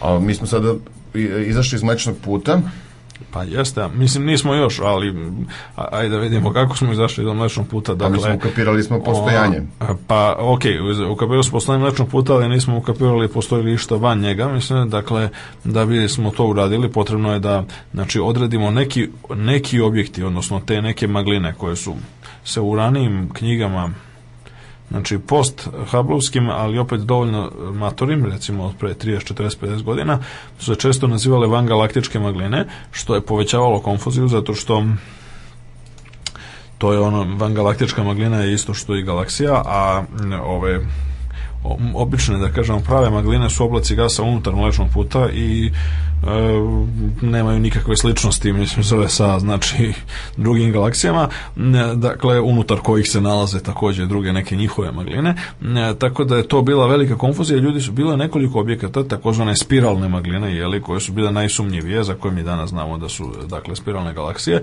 ali kako to odrediti tačno pa odgovor je samo onda ako nađemo način da odredimo udaljenost do njih e, a Sad, ne znam kako ćemo da odredimo udaljenost do tako dalekih objekata, to je prilično težak problem i zapravo ne bi mogao da bude, mislim, Hubble to ne bi mogao da uradi to što je uradio, da nije bilo pre toga jedne vrlo mudre žene, Henrietta Leavitt, e, ona je e, prvo uspela da negde recimo 1908. do 1912. godine, znači e, u tom periodu je ona uradila jednu, jedno zaista veliko otkriće, a to je da je radeći kao računar na Harvardskoj observatoriju kod William Pickeringa je sad računar to mi danas mislimo da je to mislim zove neka mašina ali ne, to su bili ljudi koji su računali dakle ovaj, u vreme pre pojave bilo kakvih, bilo kakvih mehaničkih, elektronskih ili drugih sprava i naprava. Dakle, bilo je ljudi koji su računali, jeli, ovaj, odnosno ne, koji su, kako, se to, kako bi se to elegantno reklo, numerički obrađivali razna astronomska posmatranja tog doba. I sad William Pickering, koji je bio direktor Harvardske observatorije, on je zapošljavao takvu gomilu računara, ne, jeli, između ostalog, većinom su čak to bile žene a, ove, ovaj, i neki od njih su postali, mislim, dosta poznati biti, ono, kako bi se reklo, sami za sebe i their own right, e, a Henrietta Leavitt je svakako vjerojatno najvažnija među njima zato što je e, ona, dakle, uspela da ona je otkrila jednu vrlo interesantnu stvar, naime, bila je poznata još od ranije jedna vrsta promenjivih zvezda koja se zove Cefeide po imenu prve i istorijski najstarije otkrivene promenljive zvezde te vrste, del, delta Cefeja ili Kefeja, kako se nekad kaže, znači četvrte po sjaju zvezde u savrđu Cefeja, e, dakle, koja je, e, to je takozvana periodično promenjiva zvezda, odnosno ona menja svoj sjaj na jako pravilan način. Znači njen sjaj raste, doseže maksimum, opada, doseže minimum, raste, doseže maksimum i tako dalje, na savršeno pravilan način sa jako dobro fiksiranim periodom. Kod klasičnih cefeida, taj period se meri danima. Znači, taj period između, ne znam, jednog maksimuma i drugog maksimuma je, recimo, 5 dana, 10 dana, 15 dana. Tako nešto. I, znači, omogućuje dosta dobro posmatranje. Bez obzira što možete ih posmatrate samo noću, onda vi sastavite, znači, gledate svake noći, sastavite delove te krive sjaja i na taj način vidite, mislim, kako se ona menja. Ono što je, ono što je, međutim, interesantno jeste da se period taj period, znači one sve imaju sličnu krivu sjaja, znači kod njih ima, kod svih njih mislim zove izgleda otprilike tako da sjaj naglo raste, pa onda doseže maksimum, pa lagano opada, pa onda ponovo doseže minimum, pa naglo raste i tako dalje. E sad, um, ali taj period je bio različit i sad ljudi su u principu, e, te zvezde su imale različit svoj apsolutni, kako se to kaže, sjaj, odnosno bile su različitog, zaista različitog sjaja, znači ne kao posljedica različite udaljenosti od zemlje, mislim zove što, nego kada se taj faktor izbaci, eliminiše, mhm. računanjem, dakle to je ono što je Henrietta Leavitt radila, ovaj, onda se dobija da njihov, onda se dobija njihov apsolutni, kako se to astronomi kažu, sjaj, znači ono prava stvar, ono koliko energije proizvode zaista. E, I Henrietta Leavitt je prvo uočila da postoji jedna praktično linearna zavisnost između njihovog sjaja i perioda koji je perioda tih pulsacija odnosno promena sjaja. Dakle, e, što je zvezda sjajnija, to je period pulsacija duži. I taj odnos kako se to kaže, relacija perioda i sjaja, da se je kada jednom ona to očila, onda je bilo moguće napraviti jednostavnu kalibraciju i na, na jedno, vrlo jednostavan način, znači uraditi obrnut zadatak. Znači, kad jednom imate cefeidu, vi uočite cefeidu i uočite njen, njenu promenu sjaja. A promenu sjaja je, znači, period promene je lako uočiti. Znači, to je vrlo jednostavno posmatranje. Znači to, znači da li ćete, mislim, da vidjeti kad je maksimum, koliko, koliko prolazi jedan drugog maksimuma, to ako imate vremena na teleskopu, to vam je jednostavno. Ono što nije jednostavno jeste ako nemate nikakve druge informacije odrediti udaljenost. To je naravno jako komplikovano, ali upravo kalibracija u relacije između perioda i sjaja kod cefeida koju je radila Henrietta Leavitt nam je omogućila upravo to. Znači jednom kad znate kako izgleda ta kriva, vi onda, vi onda stavite, izmerite period promenjivosti i ocrtate na način nacrtate njega na x osi, a onda sa y osi samo pročitate kolika je koliki je apsolutni sjaj te zvezde. Kad znate koliki je apsolutni sjaj i kad znate koliki je prividni sjaj, znači ono što vi vidite kroz teleskop realno, onda znate i koliko je ona udaljena i to je vrlo jednostavna metoda za merenje udaljenosti ako ste u stanju da identifikujete cefide na nekim, na nekim velikim udaljenostima. I kad jedno imate to, mislim, onda je to ključ za izgradnju čitave skale udaljenosti. Znači, to je bio, to je na neki način bio početak, taj rad Henriette Levitt je bio početak 1912. godine, je bio početak cele ekspanzije našeg van galaktičkog svemira ne samo što je inspirisao neposredno Hubbleovo otkriće, nego što je kasnije omogućio da se pronalaženjem cefida u raznim drugim galaksijama izmere udaljenosti do njih, pa onda do jata galaksija, pa do drugih ove struktura i tako dalje. Ono što olakšava celo tu priču jeste činjenica da su cefide veoma sjajne zvezde. One su tipično po apsolutnom sjaju hiljadu do između hiljadu i deset hiljada puta sjajnije od sunca. Znači to su džinovi jedna od cefeida koju ljudi su relativno kasno identifikovali kao takvu već pomenuta severnjača. Severnjača, odnosno Polaris je cefeida u mlečnom putu jako udaljena. Ovaj, ona menja svoj sjaj, samo do duše ljudi ne primećuju to tako, pošto je njen sjaj inače jako mali, ne primećuju, a on se menja, mislim, zove sa vremenom i to prilično, i to potpuno pravilno, kao što cefeide inače rade. Znači, one su džinovi. To što su one džinovi omogućuje da se, za razliku od nekakvih sitnih i bledih zvezda, da se one identifikuju sa velikih udaljenosti. I to je bio ključ cele stvari. Znači, Henrietta Leavitt bila prva u tom nizu velikih žena u astronomiji 20. veka, kod nje je još dodatna okolnost koja je, mislim, zove dodatno treba da i zasluženo impresionira ljude, jeste da ona bila težak invalid, mislim, zove ona je bila gluva od rođenja, a kasnije zbog neke vrste paralize bila i paralizovana, odnosno invalidskim kolicima. Tako da, mislim, zove je mm. zaista, mislim, zove postigla ono jako veliku stvar i kasnije generacija astronoma, počeo od Havla pa nadalje, su jako zahvalne. Hubble je, znači, u M31 Andromedinoj maglini, a kasnije u M33, znači toj drugoj spiralne galaksije u Troglu otkrio februara 24. godine Cefeide i vrlo lako je znači izmerivši njihov sjaj nacrtavši tu njihovu krivu sjaja vrlo lako je bio u prilici da ustanovi njihovu udaljenost i dobio je vrednost koju mi danas znamo da je pogrešna do na faktor od 2, ali je, je bila dovoljna. Ona je dobio vrednost da je M31, odnosno Andromedina Magdalena, udaljena oko milion svetlosnih godina. Mi danas znamo da je prava vrednost oko 2 miliona, ali to je nebitno, mislim, je to što je ona činila neke greške instrumentalna je, je nebitno sad, nego ono što jeste bitno da je milion svetlosnih godina dovoljno veliko da budemo sigurni da se to nešto nalazi van mlečnog puta. A kad, ako se nalazi na milion svetlosnih godina, a mi je vidimo ono lako, onako prilično veliku, mi se zove na nebu, onda to znači da je to ogroman sistem i da doista danas znamo, mi se zove da je Andromedina galaksija M31 ogromna, ona je za nekih 10 do 15% veća od mlečnog puta, mislim zove. To je ogromna galaksija, znači spiralna galaksija slična našoj, zove, ali nešto veća i u, u suštini, mislim, zove, to je najbliži, najimpresivniji van, objekat neposredno van mlečnog puta, odnosno kao član naše male grupe galaksija, koja se krajnje nema što to naziva lokalnom ili mesnom grupom, galaksija koja obuhvata pored Mlečnog puta i M31 i Andromedine Magline obuhvata još već pomenuto M33, znači galaksiju u Trouglu, obuhvata veliki mali Magellanov oblak i obuhvata još nekoliko desetina, recimo između 30 i 60 patuljastih galaksija koje su razni patuljci koji se kreću mislim što oko mlečnog puta što oko, ne, e, oko Andromedine magline. I to u principu sve. Znači ima, imamo nekih recimo 50-ak, 60 galaksija, mislim od kojih su svega recimo 3 ili 4 marginalno velike, samo dve su zapravo istinski velike, znači Mlečni put i Andromedina Maglina.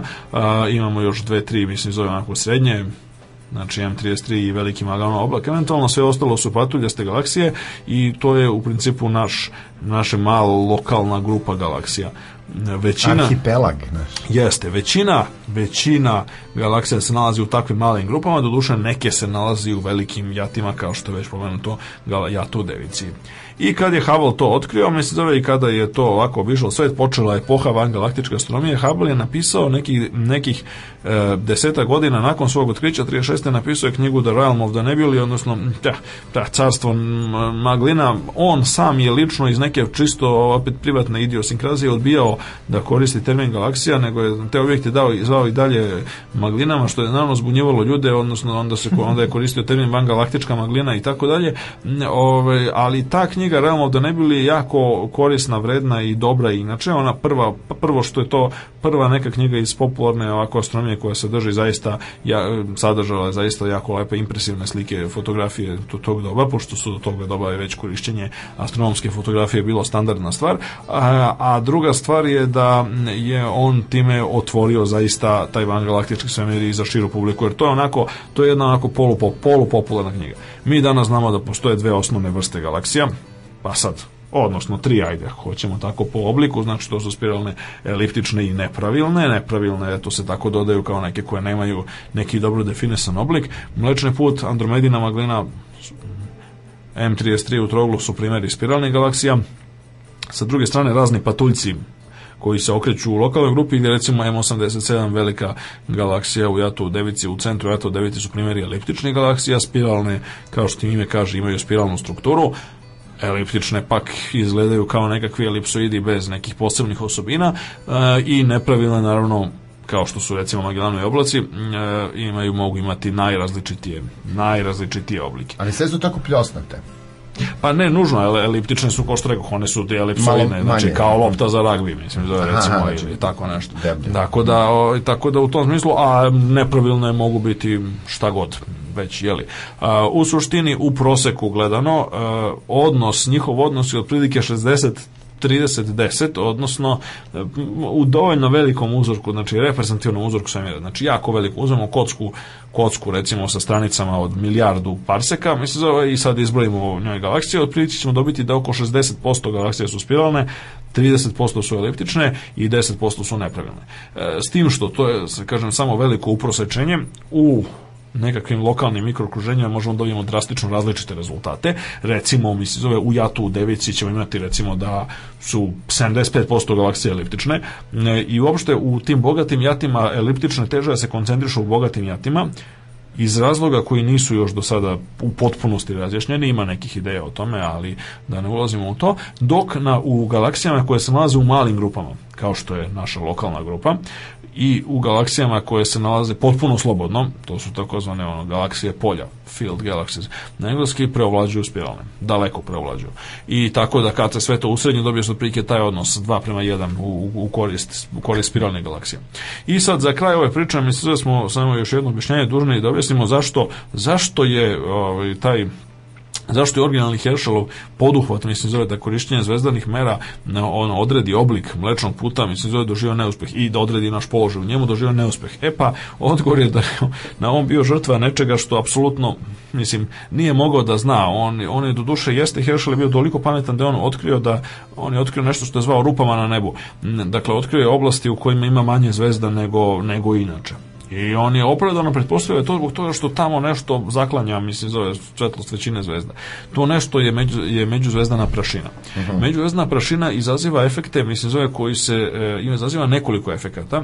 Pre svega jedna stvar je da absorbuje svetlost, druga stvar je da rasejava svetlost, odnosno teži da je skrene sa originalne, originalne putanje fotone i ti efekti se zajedno nazivaju ekstinkcijom i međuzvezdana ekstinkcija je na neki način Astronomi su znali da tu ima nešto, ali nisu bili sigurni tačno šta i koliko. Sve do 1929. znači pet godina nakon Havla, jedan relativno malo, nedovoljno poznata, jedan od onako neopevanih heroja astronomije 20. veka, švaj, američka astronom švajcarskog porekla Trampler, je otkrio zapravo prvi put pokazao egzaktno numerički postojanje međuzvezdane ekstinkcije i to ne samo u tim rupama na nebu što bi danas rekli u tamnim maglinama koje zaista predstavljaju najveće koncentracije pršine, nego pršina ima svuda.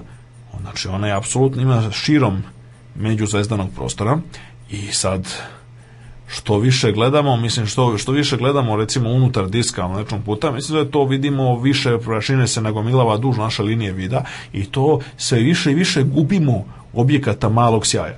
Znači, mi kad gledamo, mislim, to je bio onaj osnovni razlog zašto su ljudi, zašto je Herschel prvo i svi njegovi naslednici, zašto su ono potrošili 100 godina i ono 150 godina na potragu za nečim što, nažalost, nisu mogli da vide, pošto je to tako priroda zavarila protiv njih. Oni nisu znali da svuda Znači, širom, e, širom naše galaksije postoji, ta, i postoji ta sitna prašina koja čini, mislim, zove, i to je ona nalazi se, najviše prašine se nalazi tamo gde ima najviše i zvezda i to je ta zavera prirode. Dakle, i zvezde i prašine se koncentrišu u, u disku mlečnog puta, što opet ima neke svoje razloge. Prašina nastaje na kraju krajeva u, kroz evoluciju zvezda i tako dalje. E, tako da e, je kao posledica toga što oni dublje gledaju u disk, tamo gde ima više zvezda, tu ima više i prašine i to oni više zvezda gube.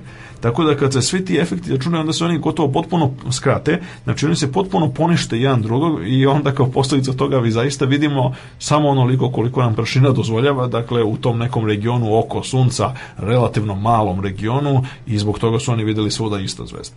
To uze bude rečeno objašnjava činjenicu zašto mi ne možemo, bar ne u optičkom, onom vidljivoj svetlosti, ne možemo da vidimo celu našu galaksiju. Mi, ako se nalazimo u njoj, mi vidimo samo jedan mali deo, mi vidimo možda recimo 10 do 15% mlečnog puta. O, sve ostalo nam zaklanja prašina. I to je razlog recimo zašto su, na primjer, ne znam, čak i spektakularne eksplozije kao što su supernove, mi su vidljive tek jednom u 200 godina, a ne jednom u 20 ili 30 godina koliko se često u stvari dešavaju a pošto se uglavnom dešavaju onim regionima koji nama nisu, nisu vidljivi. Tako da na neki način smo tek sa, sa, sa Trumplovim otkrićem, sa međuveznavom prašinom smo zapravo u potpunosti bili u stanju da razumemo, mislim, zove celu istoriju kako je ta, kako je cela ta istorija razumevanja van galaktičkog svemira bila kompleksna.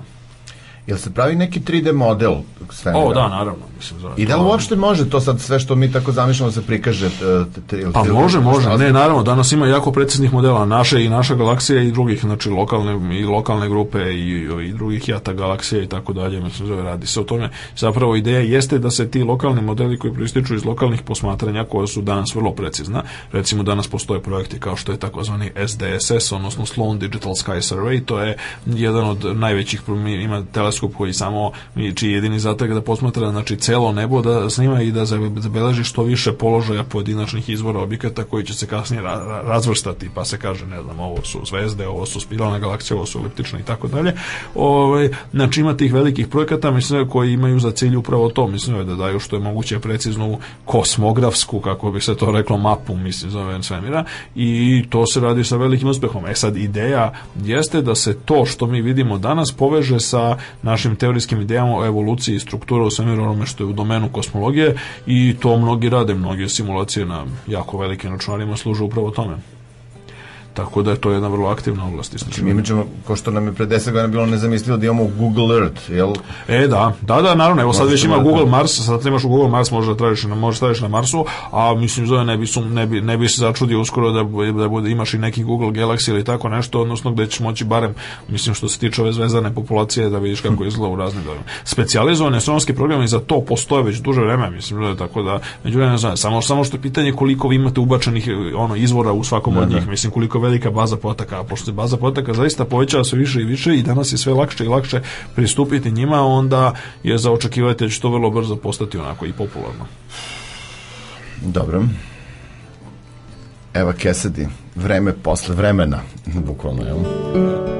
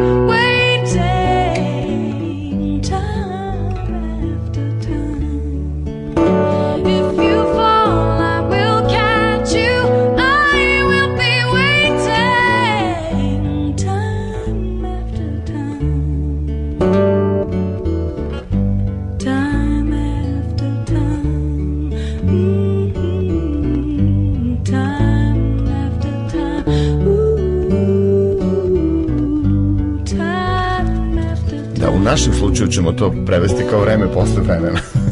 e, pa da. Evo nas nazad u Radio Galaksiji, Milan Čirković. Absolutno. To je emisija sredom od 2 do 4 uh, PM. Jeste. Kada uh, imamo tu čast i uživanciju da nam Milan kaže neka od svojih znanja, ali Hvala. ima tu jedan uh, uh, na neki način bibap veza za tu nauku, a to je da svaku emisiju ti završavaš prikazom jedne knjige. Jeste. Tako da mi imamo e, zadovoljstvo da uživamo u, i u tvom ukusu. Ali e, Aha. kapiram da tu ima neka teorija. Mislim, pa dobro. U čemu je fora? U svemu ima neka teorija. dakle, dakle o, samo da ne bude ono kao što kreacionisti kažu za evolucijom, a to je samo teorija.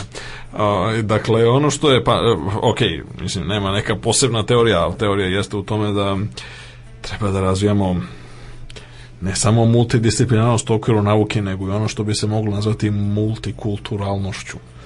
Jeste, a to je da, znači, one stvari sad, neke stvari su m, primenljivije i prilagođenije mediju, posebno radiju kao mediju, mislim, nego neke druge stvari, tako da ovdje je malo teško govoriti o slikarstvu ili skulpturi, na primjer, mislim da je ovaj preko radija to ipak zahteva neke vizuelne stvari, jeli, ali zato je mnogo lakše govoriti o književnosti kao jednom e, svojevrsnom, mislim, kao jednom dobrom, a, dobrom medijumu za, znači, hajde da kažemo, taj interkulturni dijalog između nauke i umetnosti, jer dijalog između nauke i umetnosti, slično kao dijalog između nauke i religije, recimo, jeste jedna od ključnih, po meni ključnih, večnih i, i stvarno aktuelnih i ne samo to, onako, čak u iznom smislu reči, životnih tema sa kojima, o kojima bi svaki dan mogli i trebalo, bar pomalo da razmislimo, zar ne? Tako To sam teo da čujem, to je samo da znate kakav je naš odnos uh, prema nauci.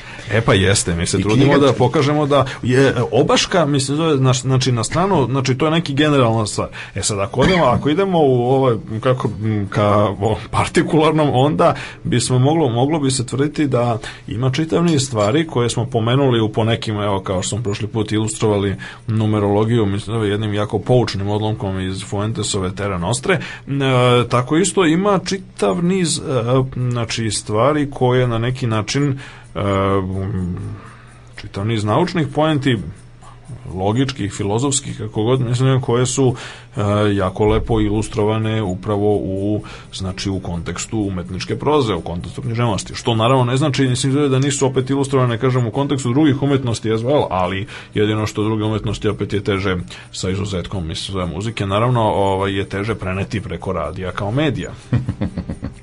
Mislim, teško je govoriti o da. stripu i na kraju krajeva i o, znači, kažem, skulpturi, da, da. arhitekturi, da, na primjer, i tako dalje. U radio e, streamu. Ovaj, ovaj, u radio streamu, jeste. Ovi, ovaj, čovjek čiju knjigu danas predstavljaš bi sigurno voleo Radio Galaksiju da sluša. Pa, ja verujem da da, mislim, zove, on je bio duboko obrazovan u području, mada je opet, mada je tu bio, mislim, kao i mnogi drugi, ovaj, što bi se rekli, samouk, autodidakt, ovaj, dakle, on je bio jako veliki poznavalac nauka, prirodnih nauka, mislim da je posebno, a to je veliki čovek i po mnogo čemu, evo, naš komšija, između ostalog, mislim i u fizičkom smislu te reči, ovaj, to je Borislav Pekić. Okay, Borislav, Borislav Pekić, Pekić, rodio se, ovaj, živeo u, odnosno, dobro, nije se, on se rodio u Podgorici, ovaj, zato što je njegov otac službovao tamo, ali živeo je u, um, dakle, živeo ovaj je u Maleničkoj ulici, koja sad, ne znam da li će se sećati ove ljudi ovde, vračarci sigurno znaju, mislim zove, dakle, gde je Malenička ulica, danas se ona zove ulica Borislava Pekića, što je dobro, s jedne strane je dobro i prirodno, mislim, čovjek je zaista i pominjao toliko puta u svom delu i mi tačno znamo gde je tu, mislim zove, živeo u tom delu, s druge strane opet ne može čovjeku da ne bude i žao, ipak je, jeste Malenička lepa ulica, ali to je jedna mala uličica koja je ono, 50 50 do stotinak metara dugačka, ovaj, a čovjek koji je ipak bio po mnogim ljudima, mislim, zove, uključujući moje lično mišljenje, najveći srpski pisac 20. veka, ovaj, bi, bi verovatno zasluživo i više, mislim, zove recimo neki bulevar na Novom Beogradu ili tako nešto. Ovaj, ovaj. Srbi razmišljati o Borislavu Pekiću u budućnosti, meni on uvek nekako alegorija celog dešavanja našeg, savremene naše istorije, pošto je on dakle čovjek koji je na prvim višestranačkim lokalnim izborima u Srbiji u drugom krugu izbora izgubio od Vojislava Šešelja. Pa ne samo što je, ali ne samo što je da izgubio, ne, ne, to ljudi, ljudi ne shvataju svu težinu, mislim, zove te, ono, ono, te epizode, zato što nije on izgubio od Vojislava Šešelja zove, na Rakovici, nego on se nije plasirao ni u drugi krug, mislim, zove, pošto je pre njega Tako da. bio i nepoznati ovaj, SPS kandidat eh, radnik Tako iz da, Rakovice, ja. da, da, da, on se nije plasirao ni u drugi krug, mislim, on je bio treći, mislim, zove, ovaj, na izborima e, u Rakovici, je, da. po nakon Šešelja i tog nekog ovaj, SPS kandidata, mislim, zove koji Što je posebno, mislim, da je skandalozno kad se uzme u obzir činjenica da mm, je čovjek, mislim, on svojim autoritetom, mislim, zove bio jedan od ljudi, ajde, sad neću da kažem nešto, ne samo što je bio jedan od osnivača, obnovljivača demokratske stranke, već je bio jedan od ljudi koji su najzaslužniji za uopšte mm, znači reformu uvođenje višestranačkog sistema on, da. kod nas. E, sad naravno to je mislim da to je posledica celokupne te njegove te istorije mislim zove na koju vredi podsjetiti mislim zove uvek iznova ljude pošto uvek iznova imamo ljude koji to zaboravljaju i koji ovaj čak i ako se upoznaju sa Pekićim delom donekle, mislim zove opet često, mislim zove previđaju ceo taj kontekst, naime on je dakle, on je bio jedan od redkih istinskih disidenata da. ovaj, u, u našem, mislim, zove post posto da, da. drugo svetsko ratovskom periodu a, on je kao jeli pripadnik i vođa i osnivač jeli Saveza demokratske omladine Jugoslavije znači jedne ilegalne ne, preciznije bi bilo reći mislim zove ono ne komunističke nego ko, mislim koliko antikomunističke organizacije ali mislim zove jednostavno se nije moglo dozvoliti ništa što ne pripada je li ovaj avangardi radničke klase je ne, dakle bio uhapšen 46. i kao posljedica toga osuđen najpre na je osuđen najpre na 10 godina, posle su oni žalili pa su dobili 15, nakon žalbe to je bila jedna od karakteristika tada, tadašnjeg pravosuđa, e, odležo je oko 7, 6, 6 i ne, ne, nešto godina, natura, a nakon čega, mislim, zove je, ovaj, nakon čega je, ono što je interesantno je, to je bio, mislim, zove zapravo no, no, početak njegove književne karijere, hajde tako da kažemo, a s druge strane, mislim, zove je imao svašta da izdrži, mislim, zove razne vidove maltretiranja, a, ona onako relativno sitne prirode, mislim Zoe na primjer nije mogao da dobije pasoš sitnih 18 ili 19 godina, čini mi se, o, nije mogao se pridružiti porodici, mislim, zove, njegova supruga je bila u Londonu, recimo, mislim, on nije mogao da izdaje da se pridruži, a, ovo, ovaj, zbog toga, onda kada je trebao da dobije, da mu bude uručena knjižena nagrada, onda bi bio pozvan na informativni razgovor tačno na taj dan i onda kao što sam opisuje, mislim, zove u, jednu, u jednoj od svojih knjiga, onako, a on to nije, mislim, da nije tome pristupao sa nekom gorčinom, on je imao jednu vrstu, ono, Monty Pythonovskog, ono, crnog humora, mislim, zove, ono, kad god bi pisao o tim stvarima, čak i onim najcrnjim, mislim, zove, godine koje su pojeli skakavci, recimo, njegova baš osvrt, mislim, zove, na taj period naše istorije, da ne kaže koji neki naživaju, ono, oslobođenje, obnova i izgradnja, a neki opet drugi, pak nekim drugim rečima, e, ove, ovaj, znači, on čak i tamo, mislim, zove, se zadržava jedan, jedan onako, jednu ironičnu distancu odnosu na to, a kako sam kaže, mislim, zove, on njega je pozvao taj neki inspektor koji je bio da, zadužen za njega, Dakle, ponudio ga kafom, mislim, zove, rekao, sedite tu, mislim, zove, hoćete, počujete novine, evo imate tu novine, mislim, Onda je pokušao da sazna, mislim, zašto je on podran, uopšte zašto je došao, ovaj nije htio ništa da mu kaže i onda nakon kad je pogledao na sat, recimo kad je prošlo sat vremena, rekao, e, dobro, sad možete da idete, mislim. Mm. A cela poenta je bila samo da ga se spreči da se pojavi u javnosti da ne bi, jeli, slučajno nešto rekao, mislim, zove na dodeli nagrade. Inače, ne se zove, ovaj, na lepša, lepša strana stvari, naravno, je njegovo književno delo koje obuhvata mnoge mnoge stvari, znači njegov, ovako, on je bio jedan od vrednih pisaca, Znači, bio je jedan od ljudi koji, apsolutno, mislim, zove su bili posvećeni radu i kao posljedica toga jako mnogo je napisao.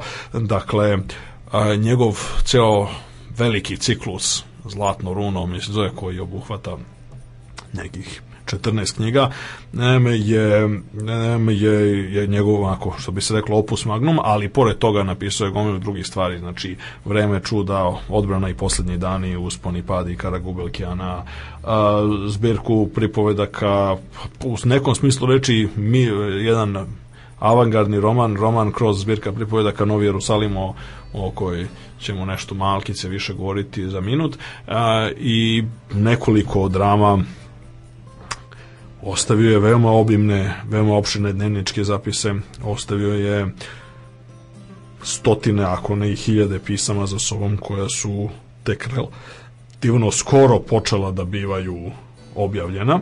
Dakle, e, ima sad je nedavno, evo znači Novosadski Solaris je objavio dakle prva dva toma njegove, njegove prepiske. E, ostavio čitav niz eseističkih knjiga, ne, komentara o umetnosti, o politici i tako dalje.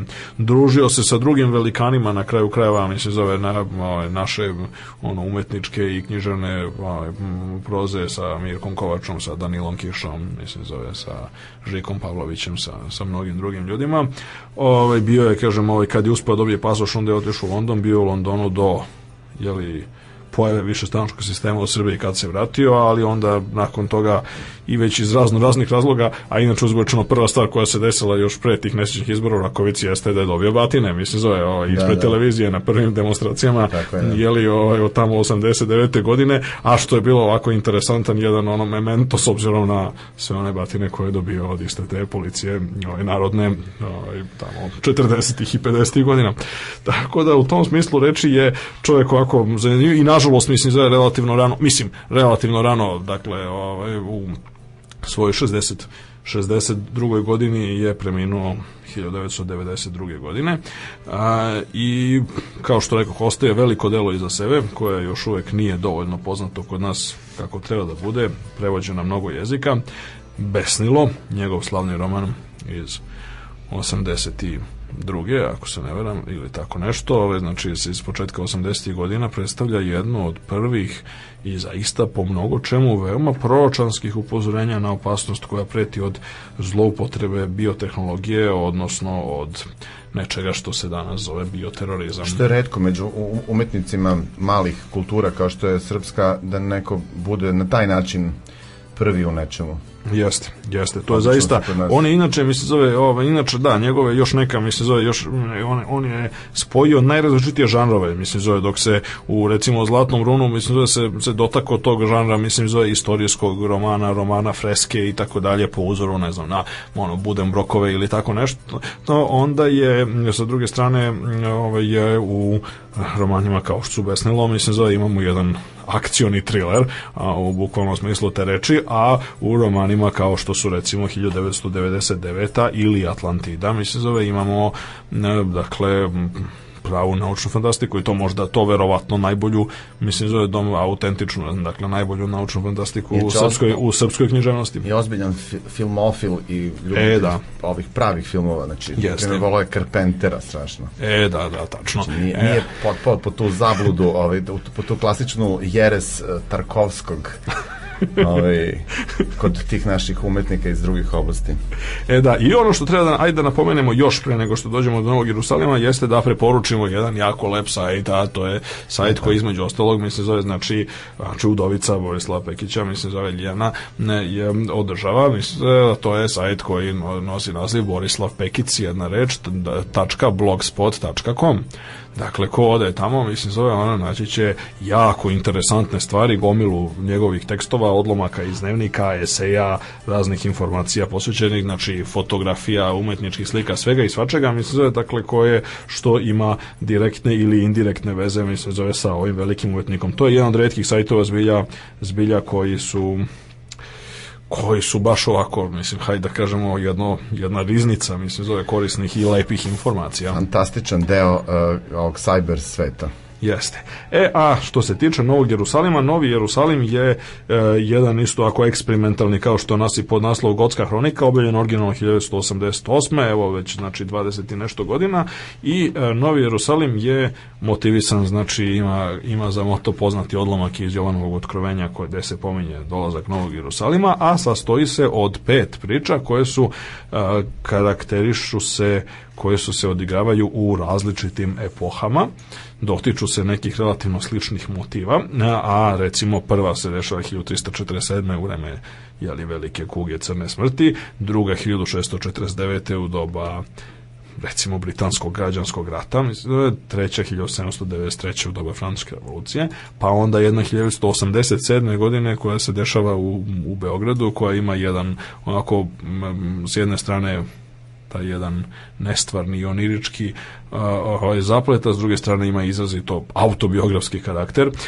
i pominje se, mislim, zove i ta ovaj, i, ti, i ti neki ne, ne, neke ovaj, neprijatne epizode iz Pekićeg života kao što su ovaj, to robijanje, a takođe i njegovo izbacivanje zajedno sa drugim nenarodnim elementima iz, ako se ne varam, treće Beogradske gimnazije gde je bila sprovedena jedna akcija čišćenja ovaj, čišćenja gimnazijalaca od ovaj, neprijatelja naroda i kako se to već naziva i konačno peta i na neki način zaključna, zaključna priča iz ovog ciklusa i znači e, specifičnog romana nosi naslov Luče Novog Jerusalima i dešava se 2999, znači u dalekoj budućnosti na, sam, na kraju trećeg milenijuma i predstavlja na neki način jedan vrlo interesantan osvrt na neke stvari vrlo ovako posebno ovim ovim, ovim domaćim ovim restauratorima ćirilice i, i borcima za ovaj, nacionalnu istinu, šta god to bilo, mislim da je vrlo poučna stvar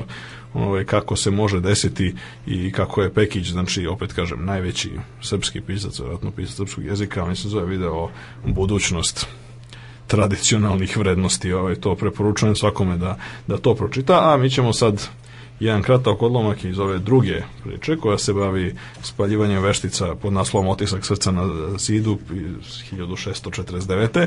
Znači spaljivanjem veštica u doba britanskog građanskog rata, a koja je takođe veoma poučna iz nekih drugih razloga. Dakle, ljudi, čitajte Borislava Pekića, čitajte Novi Jerusalim,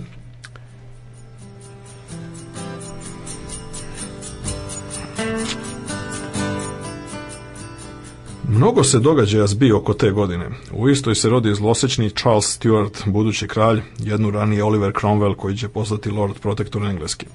Godine 1603. umreće Elizabeta I, a James od Škotske kronisat će za naše kralja. Vremena behu teška, ništa dobro hrišćanstvu ne običavahu.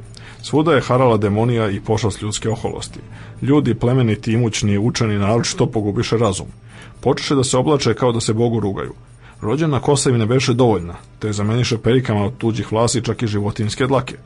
I nekakav Sir John Harrington uze da Božje načine prepravlja.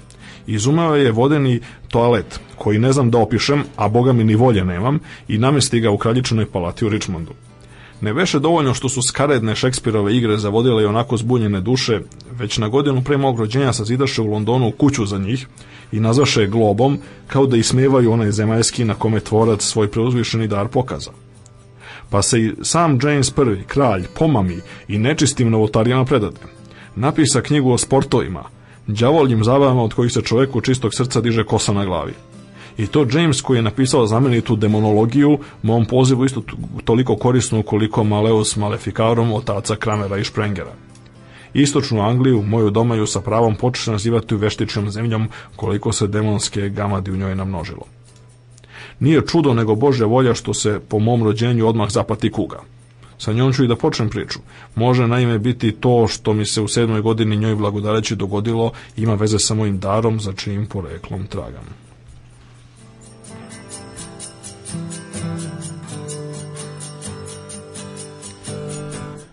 Bilo je ovo Radio Galaksija 18.